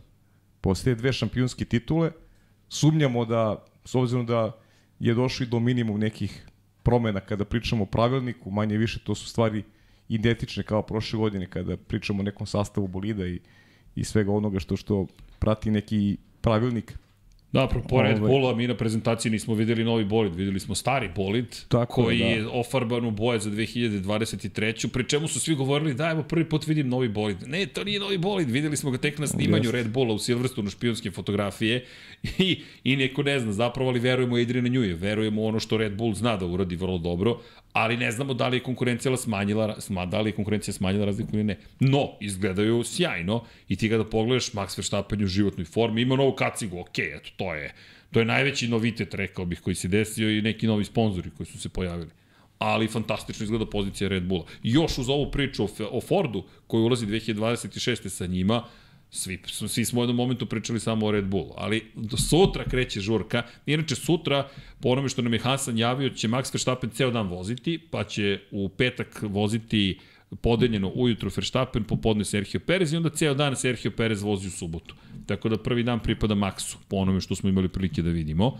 Ali pričat ćemo malo kasnije o tome šta nas čeka u Bahreinu. Pozdrav za Hasana, ukoliko nas još uvek sluša, tamo je dva sata unapred vreme, jel te, pa moguće da je već otišao u krevet, pošto sutra kreće prvi radni dan Formule 1. Nema fotografisanja futbalera sad, Hasan. A, slušaj, ja sam 100%. Samo čeka će pusti poruku. Verovatno. Još nije. Ali, apropo ovog bolida koji smo videli, W14, W13 je bio bolid koji je doneo jednu pobedu ekipi, to je George Russell u triumfom Tako u je. Prvi bolid u istoriji, to jest u, lično, u karijeri, u ličnoj istoriji, ajde da tako nazovem, Lewisa Hamiltona, koji nije bio pobednički u njegovim rukama. Pa da je prekinuo je koliko? 16 godina? Uh, Niz- da, od niz do 15 šest- godina 15 imao, to bi bila 16. godina Da, za redom. 15 godina, da. Ostaje je izjednačen sa konstantno Mihaelom pobeđivao, Schumacherom po tom pitanju.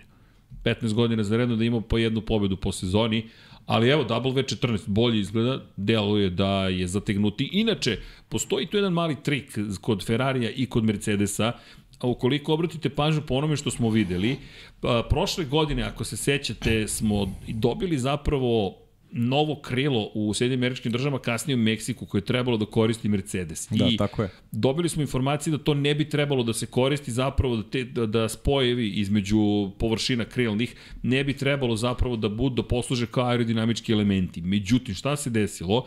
Desilo se da zapravo neki od elemenata za koje su mislili da timovi da su zapravo zabranjeni kao aerodinamički delovi su blago promenjeni I iz te perspektive došli smo do toga da bi se moglo desiti da zapravo imamo ova krilo kao legalno krilo i kod Ferrarija i kod Mercedesa. Dakle, došli su do, imat ćemo, pričat ćemo o promjenama pravilnika. Samo ti kaži, pali šta pričaš pošto Hasan sluša. Hasan sluša. Pa Hasan, javio si se. Javio se, Pa, naravno, normalno. Hasane. Hasane, samo gledaj šta da fotografišeš, molim te.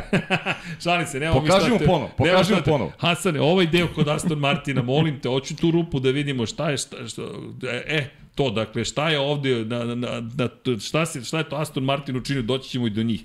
Ali prednje krilo Mercedesa, Ferrarija, molim te, znam, nema šta da te mi učimo kako da fotografišeš, ali ove tehničke elemente samo izbacuj da guramo na sve moguća mesta, pošto je to zaista zanimljivo da videti ka, kako će.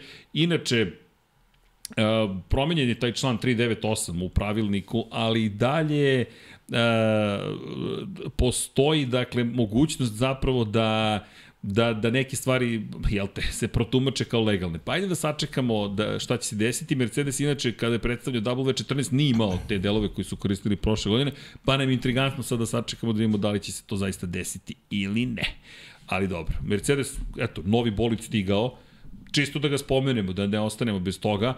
I spomenut ću mi ostale, McLaren MCL 60 takođe, Šta da očekujemo? Izgleda isto kao prošle godine malo više crne boje, da ne kažem malo manje farbe generalno, pa opet da. Da. smanjena težina. Svi pokušavaju da iskoriste. Sve su crni bolidi zapravo, uskoro će svi biti potpuno crni, bit će to. Dakle, jedino Ferrari će ostati crven otprilike. Pa dobro, meni, meni McLaren zanimljiv iz, iz ove pozicije sad dva vozača. Da li će Lando Norris i ovog novog ovaj, kolegu da, da poništi vrlo brzo ili će McLaren i dobiti u Oskaru Piastriju stabilnijeg vozača nego što to bio Daniel Ricciardo.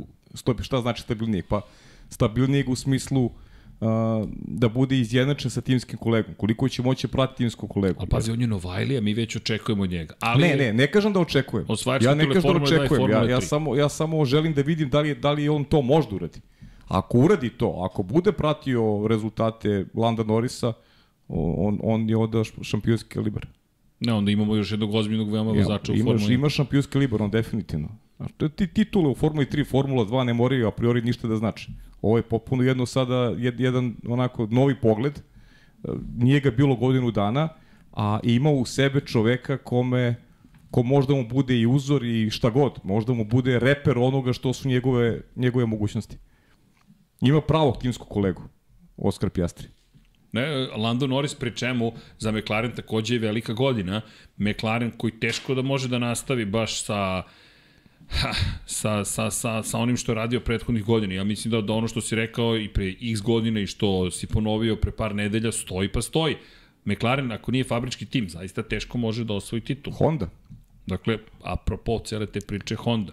McLaren Honda na taj način mogu i da zadrže Landa Norrisa u jednom ovako ozbiljnijem vremenskom intervalu i da sa njim pokušaju da, da vrate šampionsku titulu u ne- neko, neko dogledno vreme.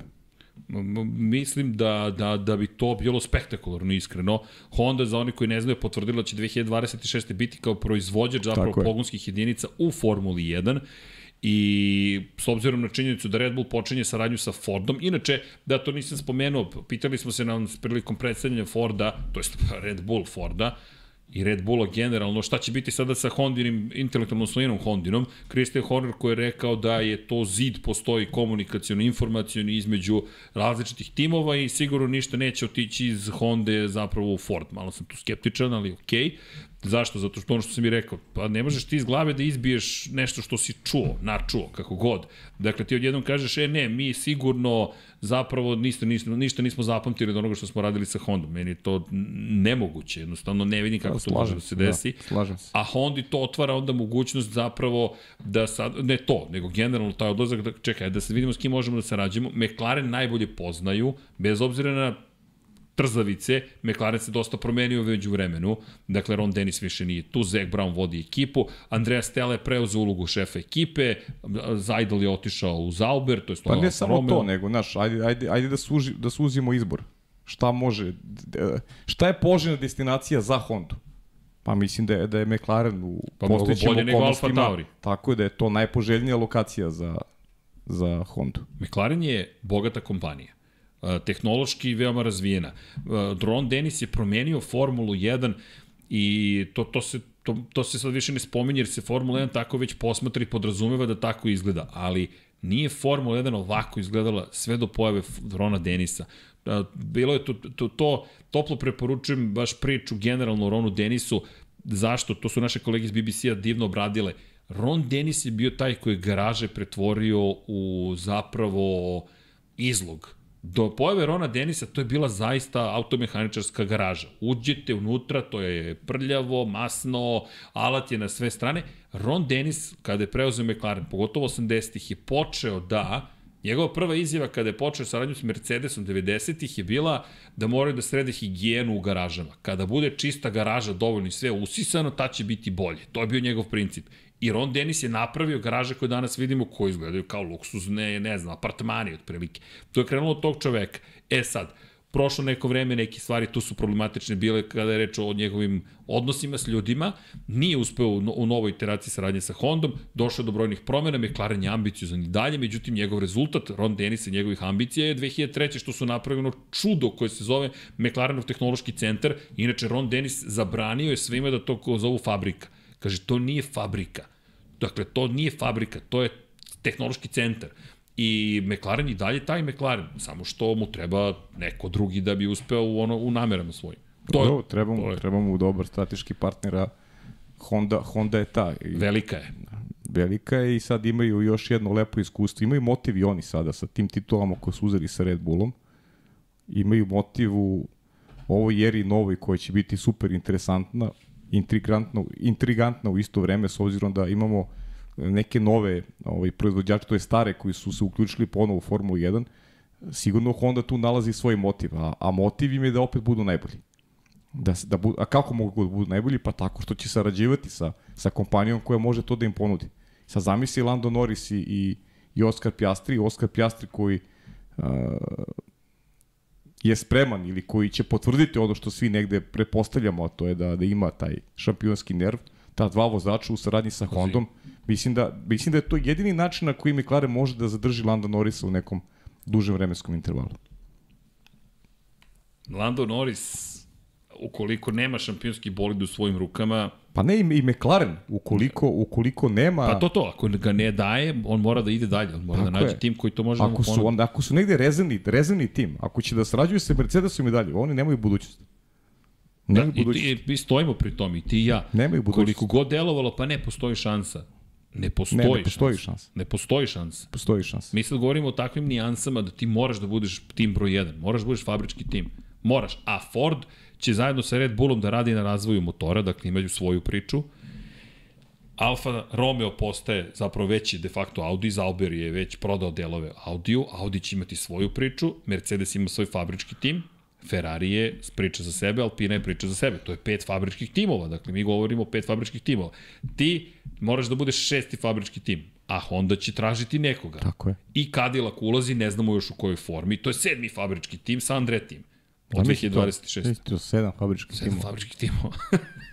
Pri čemu... Idealan, idealan scenarij da imamo 10 fabričkih timova. A, a znaš šta? To je idealan scenarij. A zna, Toyota inače se spominje sve češće oh, kao neko ko razmišlja. Pazi, Toyota i Deki pričao po svojoj logici sa hibridima i sa svim. Pa, da. Toyota je pozvana da dođe. Još Porsche, Još Porsche da dodaš... da se predomisli malo. Eto ti, eto ti osam timova. Da. Eto ti osam timova. Pri čemu, apropo priče o, o, o ajde, o Hondi pre svega, Honda, dakle, mora nekoga da nađe, s kim može da ima uspeh, a da ne mora da se bavi šasijom sama. Jer ako krene sama da se bavi šasijom, da. i, a, to će biti baš glavobolja. A pritom, šta nam još daje ta mogućnost saradnje sa McLarenom? McLaren, Red Bull, pa sada možemo da dodamo, ajde, u tu celu priču i, ne, zapravo Red Bull, McLaren pre svega moramo da istaknemo i dodat ćemo Andreti, mada su oni novi, ali to su dakle konstruktori i proizvođači pogonskih jedinica. To je ona Formula 1 koja je bila u zlatno doba 80. 90. 2000. Međutim, po, početkom nove hibridne ere počinju fabrike sve više značajnije da budu. Ferrari od uvek bio svoja priča. I pravi da, svoje motori i šasi, ali Ferrari, Ferrari.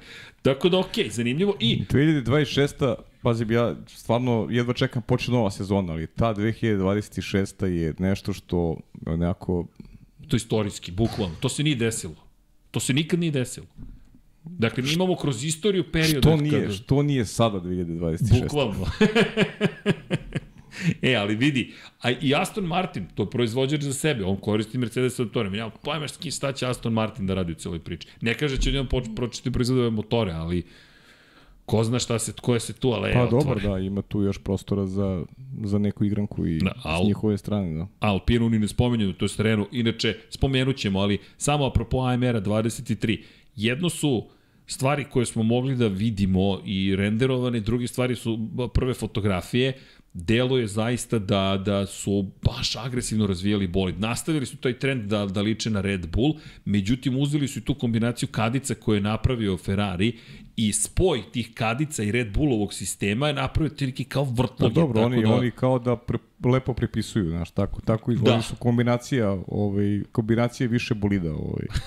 pa, najbolje filozofije, ko da, zna. Da. I Audi je otišao, to je zaober na sličnu stranu, Ali Hasane, molim te, a, mnogo je zanimljiv. Dakle, sva prednja krila, molim te. Ne ni Hasan sluša i... To, to, sva prednja krila pohvata i e, granične ploče ove pohvata i to je zanimljivo tu kod Mercedesa i Ferrarija pogotovo i da vidimo taj gornji deo od ozgo, ako ih uhvatiš od ozgo za prvog sprata, jao, to, to je zlata vredno jer tu možemo da vidimo zapravo pristup, filozofski pristup aerodinamici tog dela i kako će obstrojavanje vazduha da usmere na zadnje krilo. Inače, je ono inovativno zadnje krilo koje je Aston Martin smislio prošle godine zabranjeno, tako da toga neće biti ali gde su granične ploče počeli da koriste takođe da naprave manji otpor vazduha i tako dalje. No, da, ne, da mi ne pobegne misla. A pazi ovo da ne zaborim Brankeros šalje, da. kaže, od 2017. godine pobednik prve trke sezone završava e, na da. drugom mestu šampionata da, da, da, na kraju da, da. sezone. Ukoliko Ferrari želi da osvoji titul ove godine, ne smije da pobedi u Bahreinu. Moraju da budu drugi, ne. Da, interesantan, da. Da, da, da. Ili, da ili da bude drugi, da.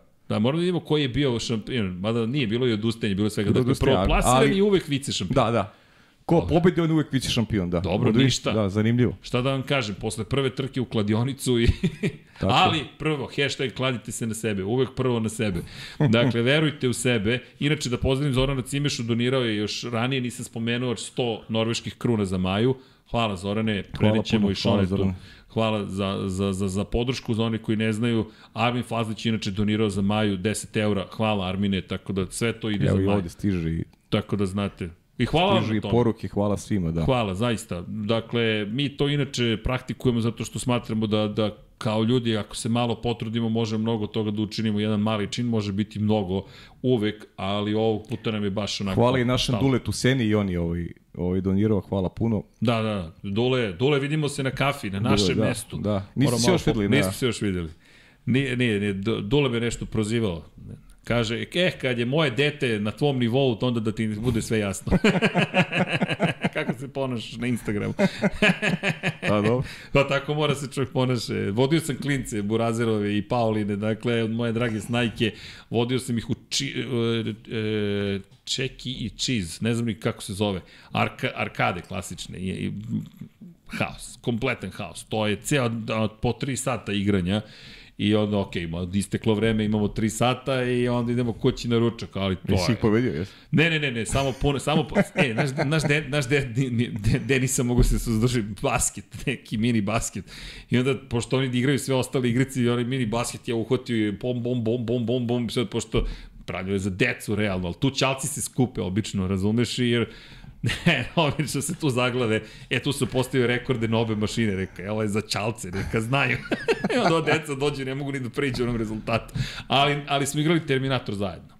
Neki Nisam ne, sumnjao, da. automat, da. Onda sam sa Nikolasom prešao celu igricu, onda sam morao da igram sa Lukasom da i sa njim pređem celu igricu. Dakle, bilo je teško, ali uspeli smo.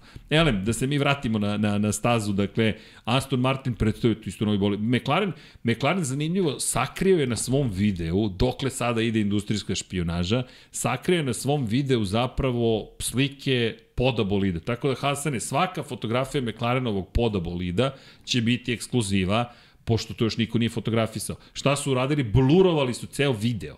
Dakle, oni su snimili video za potrebe nas medija, dali nam video, a video je blurovan. I Pa onda da. ne vidiš pod uopšte. I kao, okej, okay, ljudi, aman, dok, dok idemo sada. Tako da niko ne zna šta su tu radili s podom i svi se McLarenovi navijači nadaju da ta agresivnost u prikrivanju informacija zapravo znači napredak samog McLarena. Pa dobro, to znači Ne samo kolegama inženjerima iz drugih garaža. Tako znaš, je. a To što mi nismo videli pod ovaj suštinski nije bitno, njima bi to Njima je bilo bitno, bitno. tako je, tako tako je. da. Ok, i sviđa mi se ako je to ako oni Igranka. veruju, ako oni veruju da to možda im donese ovaj neku neku prednost, ovaj nadam, nadam se da će biti tako. Pa, pazi, ostali su bez šefa ekipe, međutim prve informacije, sad naravno opet ono čuveno što ti spom... E da, pre nego što, izvinjam se, samo dok ne pobegne Aston Martin. Filipe Drugović sutra vozi prvi, umesto povređenog Lensa Strola. Lensa Strola, da, da. To je mnogo velika, to je mnogo bitna informacija. Dva, dva razloga. Prvo, Lance Stroll propušta predsezonsko testiranje. To je ogroman udarac za njega. Dakle, gubi vreme u bolidu. Ove godine nema dva predsezonska testa. Prošle godine, pošto je bila potpuna promena pravilnika, imali smo testiranje u Barceloni, pa testiranje u Bahreinu. Ove godine nema toga. Samo tri dana, dakle, ukupno 25 časova po ekipi, to je po bolidu, možete da imate tokom predsezonskih testiranja to vam je to. Dakle, 8 i po sati, imate vrlo malo vremena i iz te perspektive, to je 25,5 časova, valjda će ukupno biti na stazi Da. mogućnosti Sutra da su budu. obojice, sutra su i Drulo i Drugović i, na i Drugović početku, i Alonso, popodne da. Alonso. da. Da, ne znamo Samo, još. Da, samo Max vozi ceo dan. ceo dan za Red Bull. Jeste. Svi ostali ovaj, po, po, po dva vozača koriste. Jeste. Tako da će pre podne imati pauza za ručak, posle pauze za ručak menja se vozač kod većine, Da. osim kod Red Bulla. Red Bull će pre, e, prek sutra imati podeljen dan i onda u subotu, U subotu samo, samo, čeku, samo samo čeku, da. Perez, tako je. E sad, šta to znači? To je prva stvar, dakle, Lance Stroll gubi dragoceno vreme. Zatim, nastavak te priče, mi dalje ne znamo da li će Lance Stroll doći na, na trku. To je da li će mu biti Jeste. dozvoljeno da se trka u Bahreinu, jer je trka za 10 dana. To je za 11 dana počinje sezona. Pa dobro, nemamo, nemamo info, a Nažalost, postoji mogućnost. postoje mogućnost, da. Želimo Oporavak. Lensu da se oporavi, a ja bih volao da Filipe ovaj vozi u Bahreinu. I- Iskreno... Da otvorim karte, da otvorim karte skroz. Isto, to, se, to mi je sledeća stvar, jer ovo Felipeu otvara vrata onako sportski. Često se desi da nekom smrkne, nekom svane. Pa, kako je Mihal Šumicher skrenuo pažnju na sebe svoje vremeno. Bertrand Gašo se tuko sa taksistom. Tuku se sa taksistom i, i šumi, i šumi, šumi vozio trku. Jeste. U Tako da, Kinshasu to su, Gašo, to su stvari koje se dešavaju ljudi, dešavaju se u životu, u sportu pogotovo, to nije, nije nikakva ovaj, redkost. Ali pitanje je samo kako šansu iskoristite, a ja bih volao da je dobije Filip. Ko je dobio u Bahreinu šansu? George Russell. Jeste. Jel dobio šansu? Covid je imao, Lewis Hamilton oporavio se najbrže, najbrže poravak od COVID u istoriji koju smo imali. Pa da. Mislim da mu je Pa telo... na, njeg, na njegovom mestu ja bih već gledao da, da, da vozim trku ako mogu posle one kvalifikacije. Bukvalno. Ne, ja mislim da je telo počelo samo da proizvodi sve što treba antivirus. Ali, Dakle- ali je u krajnjem slučaju George Russell je stavio do znanja tada da, da Mercedes može njega da računa. Tako je, kako je pretekao Valterija Bottas. Ma, mislim, sve je bilo fantastično. Savršena ceo, trka. Ceo vikend je bio Šteta savršen. što tad već nije pobedio, ali zato smo dobili Pereza kao pobednika. Tako da, Ma, sve je okej, mislim, Čeko znaš dobio kako, to spas je, karijere. to je, to je za njega, sigurno je bio tužan posle trke, ali je znao da je Uradio, uradio nešto za svoju budućnost. jeste. I još jednu sezonu je, posle imao Williamsu, iskori, to je bilo to. iskoristio je šansu. Tako je. E, to su ti momenti kad dobije šansu, Moraš moraš, da da je zgrabiš. A To je to. ko je zgrabio? Pa samo oni koji su pravi. E, lepo rečeno. Ej, zato je, zato je lepo videti Filipea da dobije šansu da vidimo da li će da, da, li će da je iskoristiti. I zamisli ako Jer mu se ja otvore mislim, karte. ja mislim da hoće.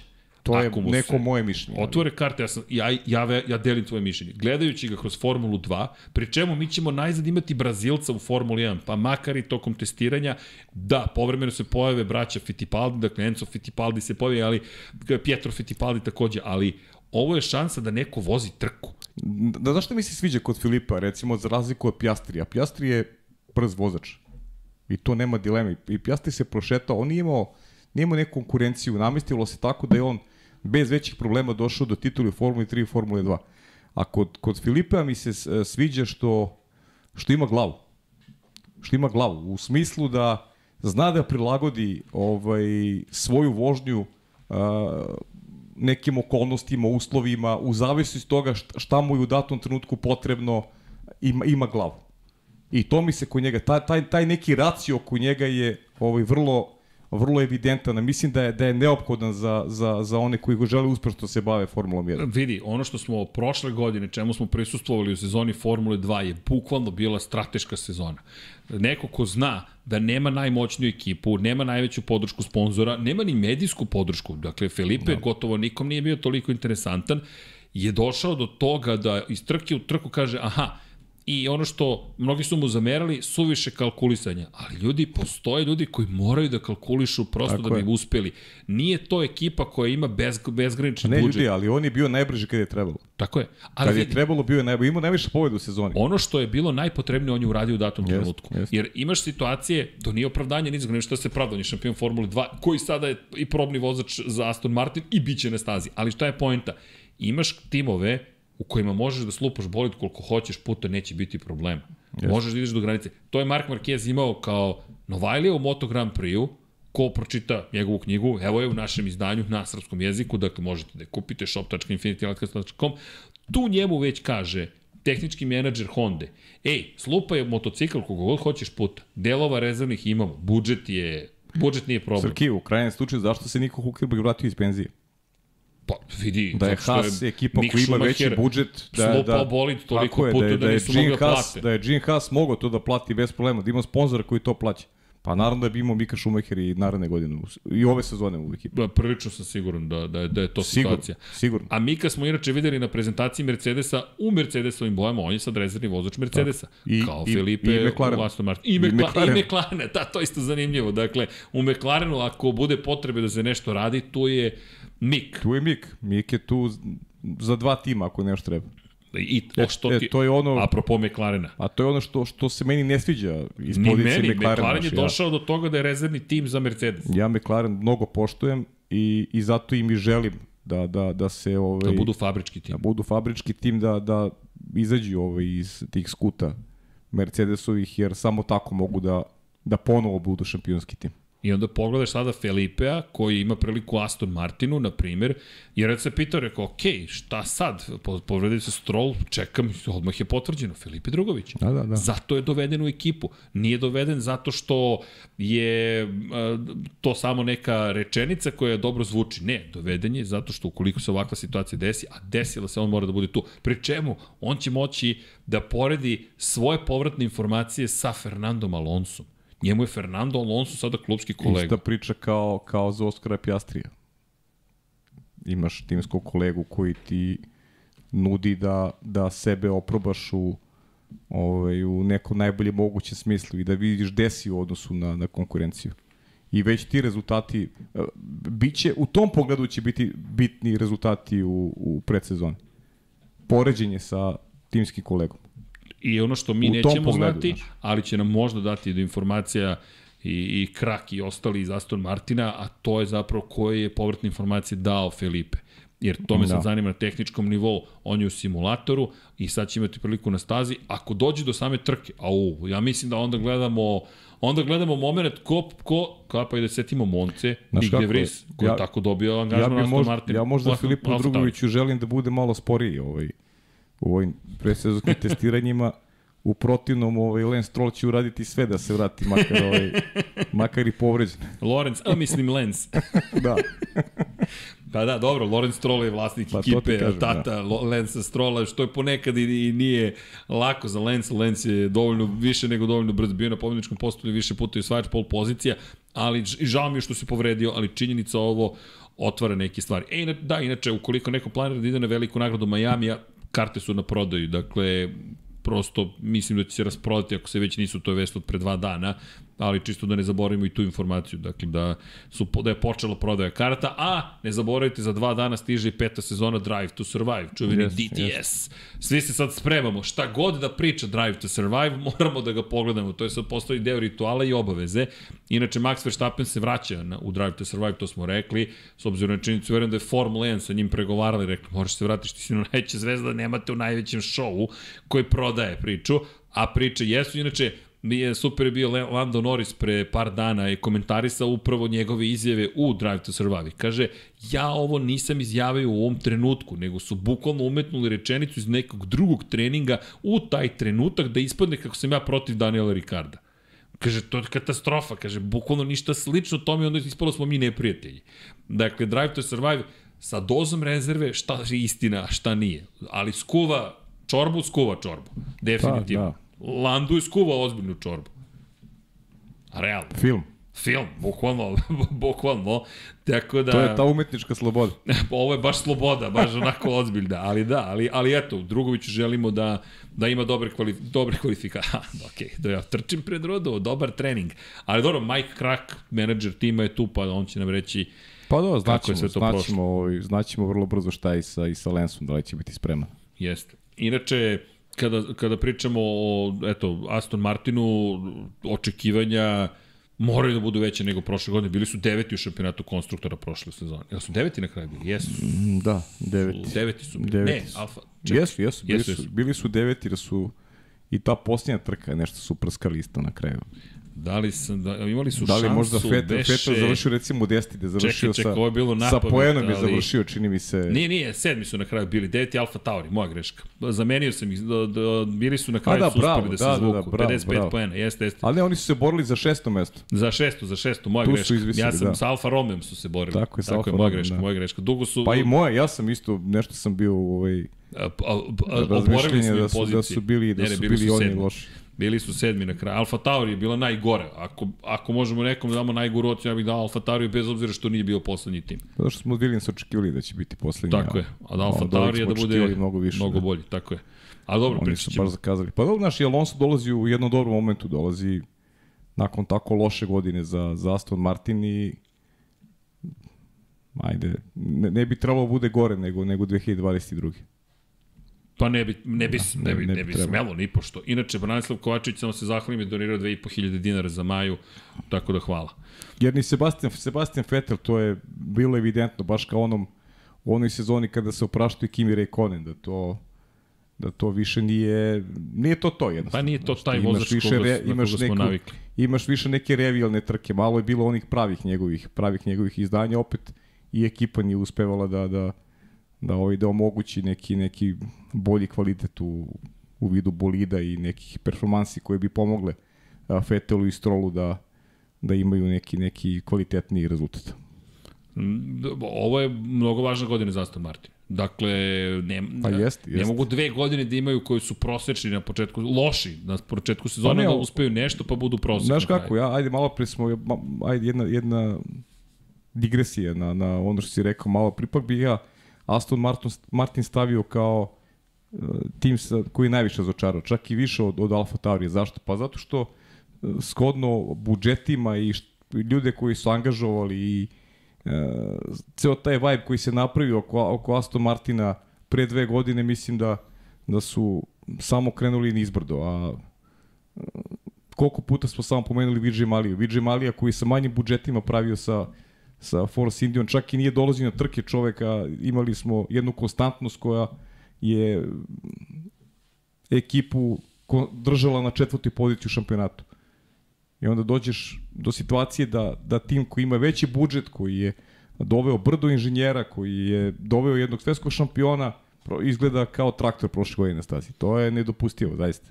Pa, ima tu, ajmo ovako, imaš četvorostrukog svetskog šampiona. Ima tu jedna dimenzija koju nikada Force India nije imala, a to su svetski šampioni. Dakle, oni nisu doveli Luisa Hamiltona u svoj tim. Nisu doveli Sebastiana Fetela na, na kraju karijere, pa rekli, je sad imamo jednu od najvećih zvezda Formula 1 u svojim da. redovima. Sad imaju jednu od najvećih zvezda svih vremena. Dakle, mi govorimo o čoveku koji da, osvojio je samo dve titule, ali to je jedan od najvećih vozača koji smo I, gledali. ipak mi Aston Martin najveće razočaranje. Znaš. Ipak, Franz sve- Tost, Franz Tost koji je mnogo toga uradio i Franz Tost cedi suvu drenovinu, bukvalno. I, Činjenica. i, I pritom je imao vozača koji je u očenoj formi bio cele godine. Mislim da je Pierre Gasly. Pierre Gasly u stvari a, najveće je vozačko razočaranje, a ekipno je to Aston Martin. Iz mog ugla. Mislim da je Pierre Gasly uticao da imamo o Alfa Tauriju ovaj, jednu priču koja je, koja je izgledala tako, tako loše. Inače, Dan, Demotivisan, popuno demotivisan i sa mnogo grešaka očena godine, baš. inače, Dan Fellows se dosta spomenju u poslednje vreme, za one koji, ne znam da li se sećate, ali to je tehnički direktor zapravo Aston Martina. I to je čovek koji je napustio zapravo Red Bull re, i s Red Bullom je zaista stvario ogromne uspehe i još 2021. je saopšteno da će on preuzeti zapravo ulogu tehničkog direktora u Aston Martinu i to učinio prošle godine u aprilu. Međutim, Fellows je u jednom sjajnom intervju za, za Autosport rekao da je problem je u razgovoru sa Jonathanom Noblom rekao da je problem za njih isti kao sa McLarenom i zašto za njega čak nije ni toliko bitno da budu fabrički tim, iako ja moram priznati da i dalje ću uvek ću biti skeptičan kada niste fabrički tim, imate zaista ozbiljnu šansu da osvojite titulu, osim u nekom promenu pravilnika, pa onda dođe Bron, na primjer, pa pokaže da je to moguće, ali tad Mercedes nije imao svoj fabrički tim, nego je Bron postao fabrički tim Mercedesa, to jest pretvorio su Mercedes. Dakle, šta je pojenta? Rekao je, vazdušni tunel i simulator su na mnogo nižem nivou u odnosu na, na, na glavne timovi. To je Noble lepo rekao, mi, mi smo u eri u kojima su godinama bez ograničenja budžeta veliki timovi pravili zapravo fabrike, kako god ih nazivali, tehnološke centre, koje su mnogo naprednije i još uvek uživaju u tome. Aston Martin i McLaren, kaže, smanjuju razliku, ali dalje nisu na tom nivou. To je njegovo mišljenje, ali njihova trenutna je priča je da je samo pitanje trenutka kada će početi ponovo da pobeđuju. Jer ti kad imaš Fernanda Alonsa, ti možeš se boriš za vrh.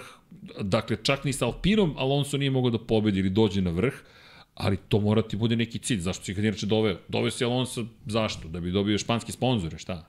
Jel to to? Novac ti nije bio do sada to, jeste bio problem, ali ne toliki, ti sa Alonso možeš da juriš rezultate. Da, ja moram ti priznati da sam skeptičan. Ovaj, Isto. skeptičan sam baš želim im da, da, budu, da budu konkurentni volio bih Alonsa da vidim i na nekom podijumu, ali stvarno nisam siguran koliko je to realno. Koliko je to realno u okolnostima koji diktiraju ova tri vodeća tima. Tako da, Ja to zaista ne vidim je- osim da. Kao, da, na primjer, teško sa- Mi, teško mi je da vidim. a, Ricardom u Monci, Pa iskreno ti za kažem, pre, McLaren. pre i- vidim Landa Norisa u, u nekom tako vrhunskom rezultatu, čak i u ovoj Da. konkurenciji, nego što vidim Fernanda Alonso sa Aston Martinom. Eto, Da. najiskrenije. Pa i to čekamo.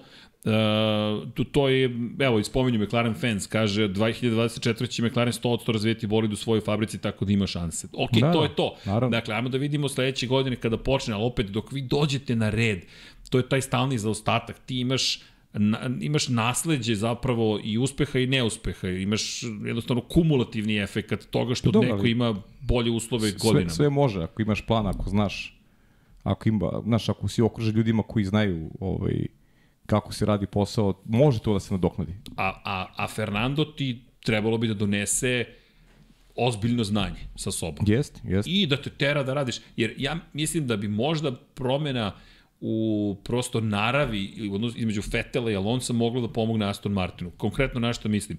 Ako je agresivniji prosto u svojim zahtevima Alonso, možda će to prijeti Aston Martinu. Jer koliko smo videli u Ferrariju, pa i u Aston Martinu, Vettel nikada nije bio toliko agresivan u svojim zahtevima. Bio je nekako možda iza kulisa, ali ovako ne. E sad, ajde da vidimo ako Alonso počne da vrši pritisak, kako to izgleda. Pri čemu imaš Lorenza Strola koji je takođe tvrdoglav, kao vlasnik ekipe nije baš najjednostavniji čovek koliko smo mogli da, da, da rastumačimo iz svih priča. Ali ok, zanimljiv tim, svakako pa eto još Filipe Drugović u cijeloj kombinaciji, da vidimo šta će tu da se prvo, desi. opet slična kompozicija kao što je bila i, znaš, imaš velike šampione, Vettel koji je žele u penziju, Alonso koji je dalje motivisan, pričali smo o tim razlikama, znaš, porodica, Alonso je i dalje nema, nije tu negde, da kažem, ovaj, nema naslednike koji bi ga možda doveli u poziciju da razmišlja o nekom, nekom drugom životnom smeru, a, a opet kažem, nisam siguran ne smemo da zaboravimo jednu stvar, što kaže Deki, ne smemo da zaboravimo. Ipak je u petoj deceniji života. Znaš. Deki I može da je- nam kaže kako je na stazi. Pa ne, ali to je stvarno, to je druga dimenzija. Znaš, Ej. trkaš se s ovim klincima koji su Pa jo, znaš kako, nekad sam čitao ovako knjige, znaš, uzmeš knjigu i čitaš, sad sve, nešto, sve, sve više ovako ide ruka da pročitaš, znaš, ovde počinjem da fokusiram. U, uz dužno poštovanje, znaš, to je neki, ajde, da, da zaluta po znacima navoda neki, neki rezultat, neki, neki veliki rezultat. Najiskreniji. Znači, to je, to je neki... Divim se, stvarno se divim Luisu Hamiltonu, kako on sa isto sa tim godinama, kako uspeva. Evo, bit će mi, ova godina će u tom pogledu biti vrlo zanimljiva. Kako ne? Znaš, uh, protiv dva super brza klinca, a jedan je već dvostruki šampion. Ti se boriš za osmu titulu. Znaš, to je sudar generacija, to je... Ne, jedno, znaš, mnogo je zanimljivih priča sad iz, iz pozicije Vatrepola. Če- Često pričam sa, sa kolegama, sa Nikolom Rađenom, često pričam o tome kako ti stariji igrači kako prkose ovaj godinama i kako igraju na visokom nivou i dalje. To, ti je, to je primjer i u, evo i u Formuli 1 imamo dva zaista velika asa, e, opet drugačiji sport, drugačija vrsta, kako bih rekao, treninga, fizičke pripreme, načina i, i, i psihološke pripreme kako ući kako ući u, u, u bolid i iz dana u dan biti ovaj brz, e, trkati se sa, sa pa sa klincima, mogu slobodno kažem, to su za njih u, u, u velikom broju slučajeva i klinci. I, i, i iz te pozicije biti interesantno vidjeti kako će parirati Fernando Alonso i Lewis Hamilton. Pogotovo Lewis Hamilton, za koga stvarno verujem da može da, da osvoji šampionsku titulu. Ali mi je u tom pogledu fenomen. Ljudi, to je stvarno fenomen. Sa tim godinama ovaj, toliko biti posvećen sportu i, i, i uspeti da, da, da na jednom visokom nivou se takmičiš sa, sa momcima koji su 15, 16, 20 godina mlađi od tebe. Pazi, to Hamilton je, ima punih 38. da. On je 7. januara ove godine napunio 38 godina. Dakle, još dve, to je 40 punih godina. Bukvalno. Mi ne pričamo o klincu. On se Kakav pojavio klinac? kao 20, koliko je beš imao, 22 godine kad se pojavio, on je 85. godište, sa 22 je ušao u Formulu 1, tad je to bilo dosta rano, dakle nije kao Verstappen došao kao tinejdžer, dakle i vozio i pobeđivao, ali je sa 22 krenuo i kako je krenuo? Tako što je u u prve dve krivine, prve trke u životu sa spoljne strane obišao klopskog kolegu koji brani dve uzastopne titule i tek je stigao u tim kao velika zvezda, Fernanda Alonso. To je početak njegove karijere. I u prvih de, devet trka imao bio na pobjedničkom postolju. Taj isti čovek, evo, koliko? 16 godina kasnije pokušava da dođe do osme I, titule. I to je nešto dugo nismo imali u Formuli 1, da, da imamo kandidate za titulu sa takvim generacijskim jazom. Da, to je znaš. baš zanimljivo. To dugo nismo imali. Ti si uvek imao, u, u principu si imao konkurente koji su približni godina, znaš, deli ih dve, tri, četiri plafona, ali da, da ovolike razlike postoje između konkurenta za titulu, to, to ovaj nije, nije bio slučaj, nije bio slučaj skoro. Da, da odgovorim, e, pričamo trenutno o Lewisu Hamiltonu. Alonso ima 41, ali pričamo o Pričamo Hamiltonu koji napunio Hamiltonu, 38 da, godina. 38, Lewis, Tako Lewis je. Hamilton nije, nije ovaj, mnogo mlađi od Fernanda Alonso. Da, i, i činjenica je, da evo dosta komentara da je lakše danas. Ljudi, neke stvari su lakše, ali kognitivne stvari nisu lakše. E, Imate, ne znam, ja ne- ja- ne treba vam ručni menjač da bi bilo Ja, lakše. ja, ja ne priznajem to da je lakše. jer To, ja govorim, Ja mislim da nije, ja, drugačije. ja govorim, ja mislim da baš te generacije koje pripada Lewis Hamilton da su spremnije bile da se odriču. I, i, I ne samo Da su to. bile spremni da se odriču i da se posvete maksimalno cilju. Pa, pa Znaš, to je To gledam kroz neke druge sportove, kroz neke primere takođe, znaš, to sad opet taj, taj Postoje generacijski... dve stvari. Jedna je psiho, psiho, psihička. je. Koliko si ti spreman posle 20 godina, tak, pazite, oni se bave od, ovim od 10. godine života manje više. Ti 30 godina profesionalno voziš. 30 godina će uskoro Hamilton Jeste. de facto profesionalno vozi na ovaj ili onaj način. Dakle, od zadržati motivaciju, koliko god kao, pa dobro, to mu je posao. Znam, zamislite, imate posao isti svakoga dana i dalje ste motivisani podjednako kao što ste bili pre 16 godina. I s druge strane, kognitivne sposobnosti modernih vozača, to se često, to, to se Tako često je. po, po, pocenjuje. Ali vaš zadatak više nije, vi niste, vi ste više pilot borbenih aviona nego što ste vozač. Neko ovde spominje ručne menjače. A bilo bi im lakše za mozak sa ručnim menjačima. Mi ne pričamo o fizičkim sposobnostima, pričamo o tome da ti moraš da ispratiš kompletan napredak. Radiš u simulatoru, jedeš na određeni način neprekidno, Ma, svaka, vežbaš. Svaka era nosi neku, Tako neku je. svoju težinu. Svaka čast svima koji su spremni, jer daš, Tako je. danas, danas ti je život jednostavniji nego neko naše vreme. Danas klinci dožive e, ne znam, ovaj, u adrenalin dožive time što igraju igricu. Sad, sad igra igricu, oni doživaju neki adrenalin. Ti to nisi mogao kao, znaš, ti si morao sebe da ostvariš kroz neki, morao si da uložiš neki fizički napor da bi da bi ti neki adrenalin doživeo kroz, kroz sport, E, kroz rezultat, razumeš? Tako A da, ovi bolidi su neki od najzahtevnijih fizički, dakle kada govorimo Tako o je, silama je. ubrzanja, bolidi od 5,5 metara pružaju vam toliku površinu da vi zapravo imamo, obaramo rekorde. Pre, pre par godina smo obarali rekorde na svim stazama. Tako da tu ima nešto druže, do, druga priča, ali promenu is, načinu ishrane i tako dalje i tako dalje. Ali opet zanimljivo da imamo generacijski jaz i da se bori Ne, za ne, titul. super je. Super, super je to, to je super. I Stvarno je svima, svima, kažem, svima svaka čast danas ovaj, nije baš tipično danas i ovim momcima koji su koji ovaj, nas uvode jednu novu eru Formuli 1, a, oni su veliki šampioni, pokazuju da su spremni da se posvete onome, da imaju cilj. I, I sve ih je više i to je nešto što me raduje iz, Pa. iz pozicije vremena u kome živimo, znaš, jer, jer ovaj, u tom, peri, u tom pogledu su drugačije vremena. Ne, ne osuđujem vreme današnje, naprotiv, ja, Ne. ja uvek govorim, svako vreme ima svoje onake, svako vreme je dobro.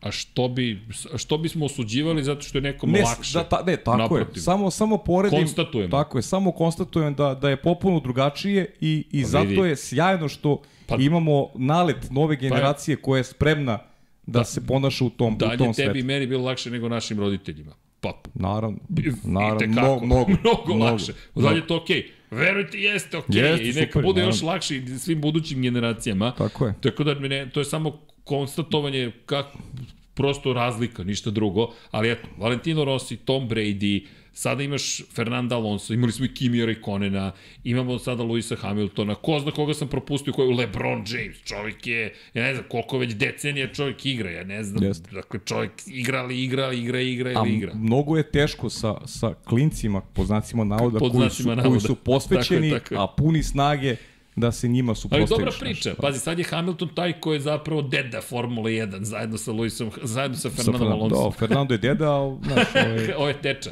teča, da. teča. Šalimo se, naravno, nemojte bukvalno da shvatite, to je tepanje bukvalno, ali to je jednostavno vremena se promenilo i to je sasvim okej. Ali ajde da vidimo šta će tu sve da se dešava. Činjenica da imamo jednu novu generaciju. Zanimljiv mi je McLaren iz te perspektive. Lando je sada veteran ekipe, znaš, kao dolazi Oskar Pjastri, koji je zarđao, kažu. Jer ne zaboravimo, prošle godine se nije trkao. Ja ne vidim baš da će Pa biti do, nije, zarđao, nije ali Esteban Oko se nije trkao godinu dana, pa... pa se vratio u igru. Ne, pa nije Alonso prosto, se znaš nije trkao. ja sam malo obazrio samo jer nismo ga videli na toj najvećoj Nismo, sceni, znaš, nismo. tako da... Nismo. A nisam sklon nekim velikim ovaj, rečima kada pričamo, znaš, ne, Ali- ne, ne bih stavio ni tu vrstu tereta na pleće nekog mladog momka, jako. koji jeste talentovan, ali ajde da vidimo polako. ajde druga sezona neka bude prava merodavna Ne. sezona. Neka on napreduje iz trke u trku, to će biti prava stvar. Inače, još jedna stvar, ko, ko, ko nam je ušao u Formulu 1, a nije nikada bio u Formulu 1, iako je u nekim poznim godinama za ulazak. Nigde vris. Da. Što me dovodi do Alfa Taurija. Da ne zaborim, Alfa Tauri je imao pravu manekensku modnu prezentaciju bolida. Dakle, AT04, pošto ovo četvrta sezona kako se takmiče kao Alfa Tauri. Ne znam gde odošao one prethodne tri, ali ovako, od kada smo ih pretvorili u Alfa Tauri, to je Red Bull. Inače, to je modna marka kompanije Red Bull, pa eto, ko želi da se obuče u Alfa Tauri, da zna o čemu se radi. U Njujorku je prezentacija bila obavljena u skladu sa tom strateškom saradnjom sa Fordom i generalnom generalnim izlaskom na američko tržište. Yuki Tsunoda, Nick De Vries će predstavljati ekipu. Orlen kao novi veliki sponsor je promenio malo boje bolida, više ima crvene boje sada. Inače, to smo i rekli, dakle, nećemo Roberta Kubicu više videti u ulozi probnog vozača i rekao je, ljudi, ja sam u nekim godinama, ne mogu da čekam više da budem probni vozač. To je poljska naftna kompanija koja je bila veliki sponsor Alfa Romeo, tako i imao svoj, svoje mesto u ekipi probni, kao probni vozač Kubica, a sada, eto, bit će Alfa Tauriju i očekivanja svakako su veće nego prethodne godine. Da li možemo da sudimo nešto o bolidu? Apsolutno Ma, ništa. ništa, Videli smo ga 4,5 sekunde u tom promotivnom videu. Malo na stazi i sad čekamo zapravo Bahrein. Šta god da stigne od Alfa Taurija, Biće zanimljivo za analizu. Ali cenimo da će ići nekim putem koji je išao i Red Bull, pošto koriste Red Bull Power Trains, da ne kažem Honda. Pa mene opet tu zanima Honda taj motor. odnos vozača. Yuki Tsunoda koji sad ima već lepog iskustva se tu nakupilo. Ne može više pričamo o nekom uh, Yuki Ruki, kako smo ga zvali. da. Ali, znaš, i sad je tu Nick De Vries koji je po talentu sigurno ispred Yuki Tsunoda. Sigurno je talentovaniji vozač od Yuki Tsunoda. E sad, koliko će to osustvo koje imao, koliko će da utiče, ja, ja stvarno, eto, moja neka procena je da će da će Nick, Nick De Vries da sebe profiliše kao vozač broj 1 u ekipi Alfa Tauri. Da, da, to, Nick to je neka moja procena sad, vidjet ćemo. Inače, mi, mišljenje o Niku De Vriesu zaista vrlo visoko i cijela priča je zapravo, čak se smatra da, da to što su pustili Nika De Vrisa iz Mercedesa može da bude osnovčeno problem za njih. Zašto? Nik De Vries mnogo dobro poznaje ceo Mercedes. Nik De Vries je momak koji je pomalo zaboravljen, holandjanin. On je inače dan ranije rođen, ima rođendan dan ranije u odnosu na Luisa Hamiltona, ali 10 godina je mlađi od Hamiltona. 28 godina za de facto debi. Pa da li, šta su mogli da urade? u Mercedesu. Ništa. Pa, ja mislim da je korektno pa to je pošteno. Da, Ej, vidi, to je, dali smo, ima, krajnje, zaradio si svoju šansu. Zamisli da ga drže nekim ugovorim i da, i, da, i da momak ne ostvari svoje snove zato što on poznaje Mercedes. Mislim, to je utopija. Ne, objektivno im ne treba. Ne treba im. Objektivno a, im ne treba. A čovjek je koji je osvojio titulu s Mercedesom u Formuli E 2020. na 21. Šampion je Grand Prix 2 serije bio, da, u Formuli 2, izvinjam se, već je to bilo Formula 2, nije bilo Grand Prix 2. Jest. I to sa Artom, dakle to pre koliko? Pre 4 godine, 2019. je tako? 2019. godine 18, osvojio. 18. 18. 18 ili 19, nisam siguran. Možda čak i 18, ali nisam siguran. Ne znam, ali u svakom slučaju 18 ili 19. Dakle, ili pre 4 ili pre 5 godina osvojio titulu. I to je čovek koji u poslednjih, eto, 4 godine, 5 godina, dva puta bio šampion Formule 2 i Formule E. Ozbiljni vozač. Prošle godine menjao je, bio je u Williamsu kao probni vozač, kao, testirao je jedan trening, na jednom treningu bio testni vozač, zatim je za Mercedes nastupao na jednom treningu u Francuskoj, pa je u Italiji dobio priliku da vozi za Aston Martin jedan trening, da bi zatim dobio priliku da vozi za Williams kada se razbolao Alex Albon, kada je imao problem sa slepim strevom. I osvi dva pojena, bio deveti u prvoj jedinoj trci u Formuli 1. Ja mislim da ste 100% u pravu. To su te šanse o kojima smo pričali tokom ovog podcasta. Ako se negde ili, namećeš, ili to je to. Ili koristiš ili ih ne koristiš. I Nick De Vries je jedan od onih koji je šansu iskoristio. I, I odatle i opravdano dobija ugovor bilo gde. Alfa Tauri uopšte nije loš ugovor za njega. Ne. Alfa Tauri možda mu omogući da, da osvoje poene. Neću reći u kontinuitetu, ali onako u visokim procentima to možda se događa kroz sezonu jer verujem da će biti bolji nego prošli i verujem da će imati sada vozača koji je motivisan, a ne neko koji je prošle godine bio demotivisan. I tu ne pričam zbog toga što me ubio na fantaziju, nego zato što je to uh, stvarno bio realan slučaj. Jer Gasli talenat i, i učinak ovaj, nisu bili u proporciji prošle godine. Tako da ova sezona i za njega je vrlo važna ovaj, da, da u Alpini potvrdi da, da je vozač koji ima dara da se da se ovaj da se bori za za nešto što što možda bude prihvatljivo Alpini. Znaš koje je očekivanje Andreja Šovlina zapravo, čoveka koji je zadužen kao inženjer, od glavnih inženjera u Mercedesu. On je rekao, možda ćemo zažaliti što smo ga pustili. E, smatra da su njegovi kvaliteti šampionskog kova, da je on šampionskog kova momak i da u pravom bolidu može da se bori za titulu. Čak je otišao toliko daleko da je rekao, imam osjećaj da ćemo se za par godina protiv njega boriti za titulu u okviru Red, Red Bull Racinga. Dakle, to je mišljenje pa, pazi, Šovlina. To su, to, je, to su stvarno ozbiljne reči. Ozbiljne reči. I to ukoliko se desi tom čoveku, ovaj, ne znam, ovaj, to je jedan... E, e, to su neke procene koje su zaista zaista ovaj vizionarske i zap, ja ću zapamtiti ovo, verujem da ćeš i ti. Da, apsolutno. Verujem da ćeš i ti, ukoliko to bude pokazao nigde Vris sada kroz, kroz vožnju Alfa Tauriju, ovaj, ne bi bilo iznenađenje da, jer znamo da Čeku Perezu onako ističe vreme. U stvari promenljiv, on je promenljiv. Tako da Vidi, čekamo... Ne, ne bi bilo nemoguće jednog dana vidimo holandsku postavu u Red Bullu. Inače, da. holandjani su poludeli, uslovno rečeno, za, za, za, za Verstappenom i De Vriesom. Izlazi knjiga ove godine, ovo je isečak iz knjige zapravo, i Erwin Jegi je zapravo citirao knjigu Max, and Nick se, Max i Nick se zove knjiga. Inače, autori su Ivo Pakviš i Stin Ke, uh, Keris. Uh -huh. Dakle, oni su pričali o tom... Nisam ko, znao iskreno. Da, iskreno, da, da, eto, Jegi sam saznao zapravo, čovjek je napisao tekst o svemu tome, je intervjuisali su Šovlina između ostalog. Pazi, napisana je knjiga koliko je to otišao daleko, instant praktično, ali pojenta u tome da analiziraju koliko je Max Verstappen uticao i na Formulu 1, da ima dva holandska vozača sada u šampionatu, već ove sezone Formula 1 i naravno šta očekuje se od De Vrisa. Dakle, rekao je Šovlin u, u, tom, u tom razgovoru za knjigu da je zapravo dogovor u Mercedesu za De Vrisa bio sledeći, da ukoliko ne mogu da ga smeste u Mercedesov tim, neki od Mercedesovih timova, da će ga pustiti. E sad, meni to negde već implicira, dakle, nisu mogli da ga stave u Williams, Logan Sargent je očigledno dobio veću podršku, ako je suditi po ovim rečima, Darlington Capital koja je američka kompanija vlasnica JLT Williamsa, investicioni fond, to je moja procena, samo cenim da je htela da ima američkog vozača, dobro zvuči, prosto iako Logan Sargent mi deluje dosta manje talentovan od De Vrisa. Slažem se. S druge strane imaš... Ne samo od De Vrisa. Ne samo od De Vrisa. S druge strane imaš Alex Albona koga s kojim imaš ugovor u Williamsu, zatim imaš u McLarenu Pjastrija, za koga su se borili, setimo se prošle godine, cele priče tokom raspusta, Oskar Pjastrija koji je u Alpini, ali nije u Alpini, a Daniel Ricardo odlazi pre isteka ugovora sa McLarenom iz McLarena da bi se napravio mesta za Pjastrija i McLaren koji ima Landa Norrisa i onda imaš Aston Martin koji ima Alonso i sina vlasnika, tu, ne, tu neće da. se desiti promene. Nemaš gde da ga smestiš. Da, ja mislim, vezano za onu priču o, o uticao Maxa Verstappen. Ja mislim da nije toliko uticao na, na De Vrisa. De Vries je bio De Vries i pre nego što se pojavio Max Verstappen i bio je talentovan i još kad nismo znali ko je Max Verstappen, ali mislim da će Max uticati na neke nove generacije holandskih vozača, jer Holandija je jedna vrlo talentovana sportska nacija, vrlo talentovana, s obzirom na broj stanovnika, oni posvećeni oni su, su. Posvećeni su, oni su prisutni u gotovo svakom sportu, oni osvajaju medalji i na letnim olimpijskim igrama i na zimskim, zaista su stvarno su ozbiljna sportska nacija i imaju Richarda Veršura u krajnjem slučaju koga gledamo u Formuli 2 i verujem da će Max Verstappen da onako uh, izazove veću pažnju kad, i već sada izazive veću pažnju kada govorimo o automotosportu i, i ne bi mi znadilo da u narednoj dekadi da dobijemo još, još tih holandskih vozača koji će koji će preferirati ulazak u Formulu 1. Gotovo sam ubeđen da ćemo, da ćemo takav epilog imati.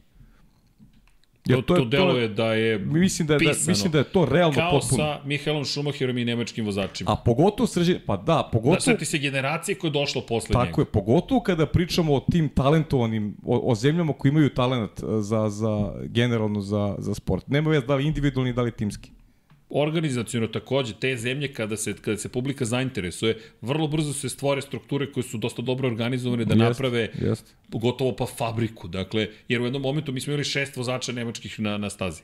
Jednostavno, to je posledica, rezultat popularnosti Mihaela Šumahira uspeha. Sistem investiranja u to talentovane sportiste, obrazovanja, sve to pa. onako na jednom, na jednom ozbiljnom nivou. Holand je jedna od tih zemalja koja, koja to radi radi fenomenalno. Pa evo, apropo, dakle, apropo pismenosti, knjiga izlazi.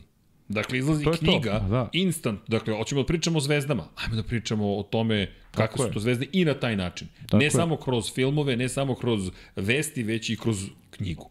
I ti sad imaš knjige. Knjige znači, te kako znači i ostaju za večnost, praktično. Jeste. Tako da, da, inače, apropo knjige, F1 šampioni, dobili smo najzad update od izdavača i potvrdu, tako da kada, kada daju svoju potvrdu na, na naše izdanje, počinjemo da štampamo i treba nam nekako četiri nedelje u trenutku kada, kada dobijemo sve te potvrde. Mnogo duže je trajalo, izvinjavam se ovoga puta, ka, pričao sam to iz, iz, iz Čilaja, dok smo radili prenos iz Grobnika, čudna industrija, mnogo sporije nego što smo mi navikli. Mi smo navikli agresivno odmah, bum, bum, bum, bum, bum. Pa jeste. Ovde, sačekaj, dve, tri, pet, sedam nedelja, dva meseca, nekako ja gledam, iz drugog vremena. Gledam i, gledam i kroz moj ovaj rad oko, oko moje knjige isto, to ide drugačije. Znaš, pa drugačije, znaš, to je sve sporovo. Ali znaš, prija mi. Ne, isto, isto. Samo da. mi žao publike zato što smo imali neka očekivanja, ali generalno ljudi imajte razumevanje. Pa da, razumeju ljudi, Spori je proces. Baš je sporo. Traje, da, traje. Ne, mi smo navikli na televiziju, neko ti javi, e, sad si za pola sata ideš, ulaziš, radiš. Ovde, Pola sata, to se ni ne računa pa, dobro, kao protokol. Ne, ne, ne, smeš, ne smeš da pogrešiš. To ne smeš. Jer ne to kad izađe ne smeš da pogrešiš. Ne smeš da pogrešiš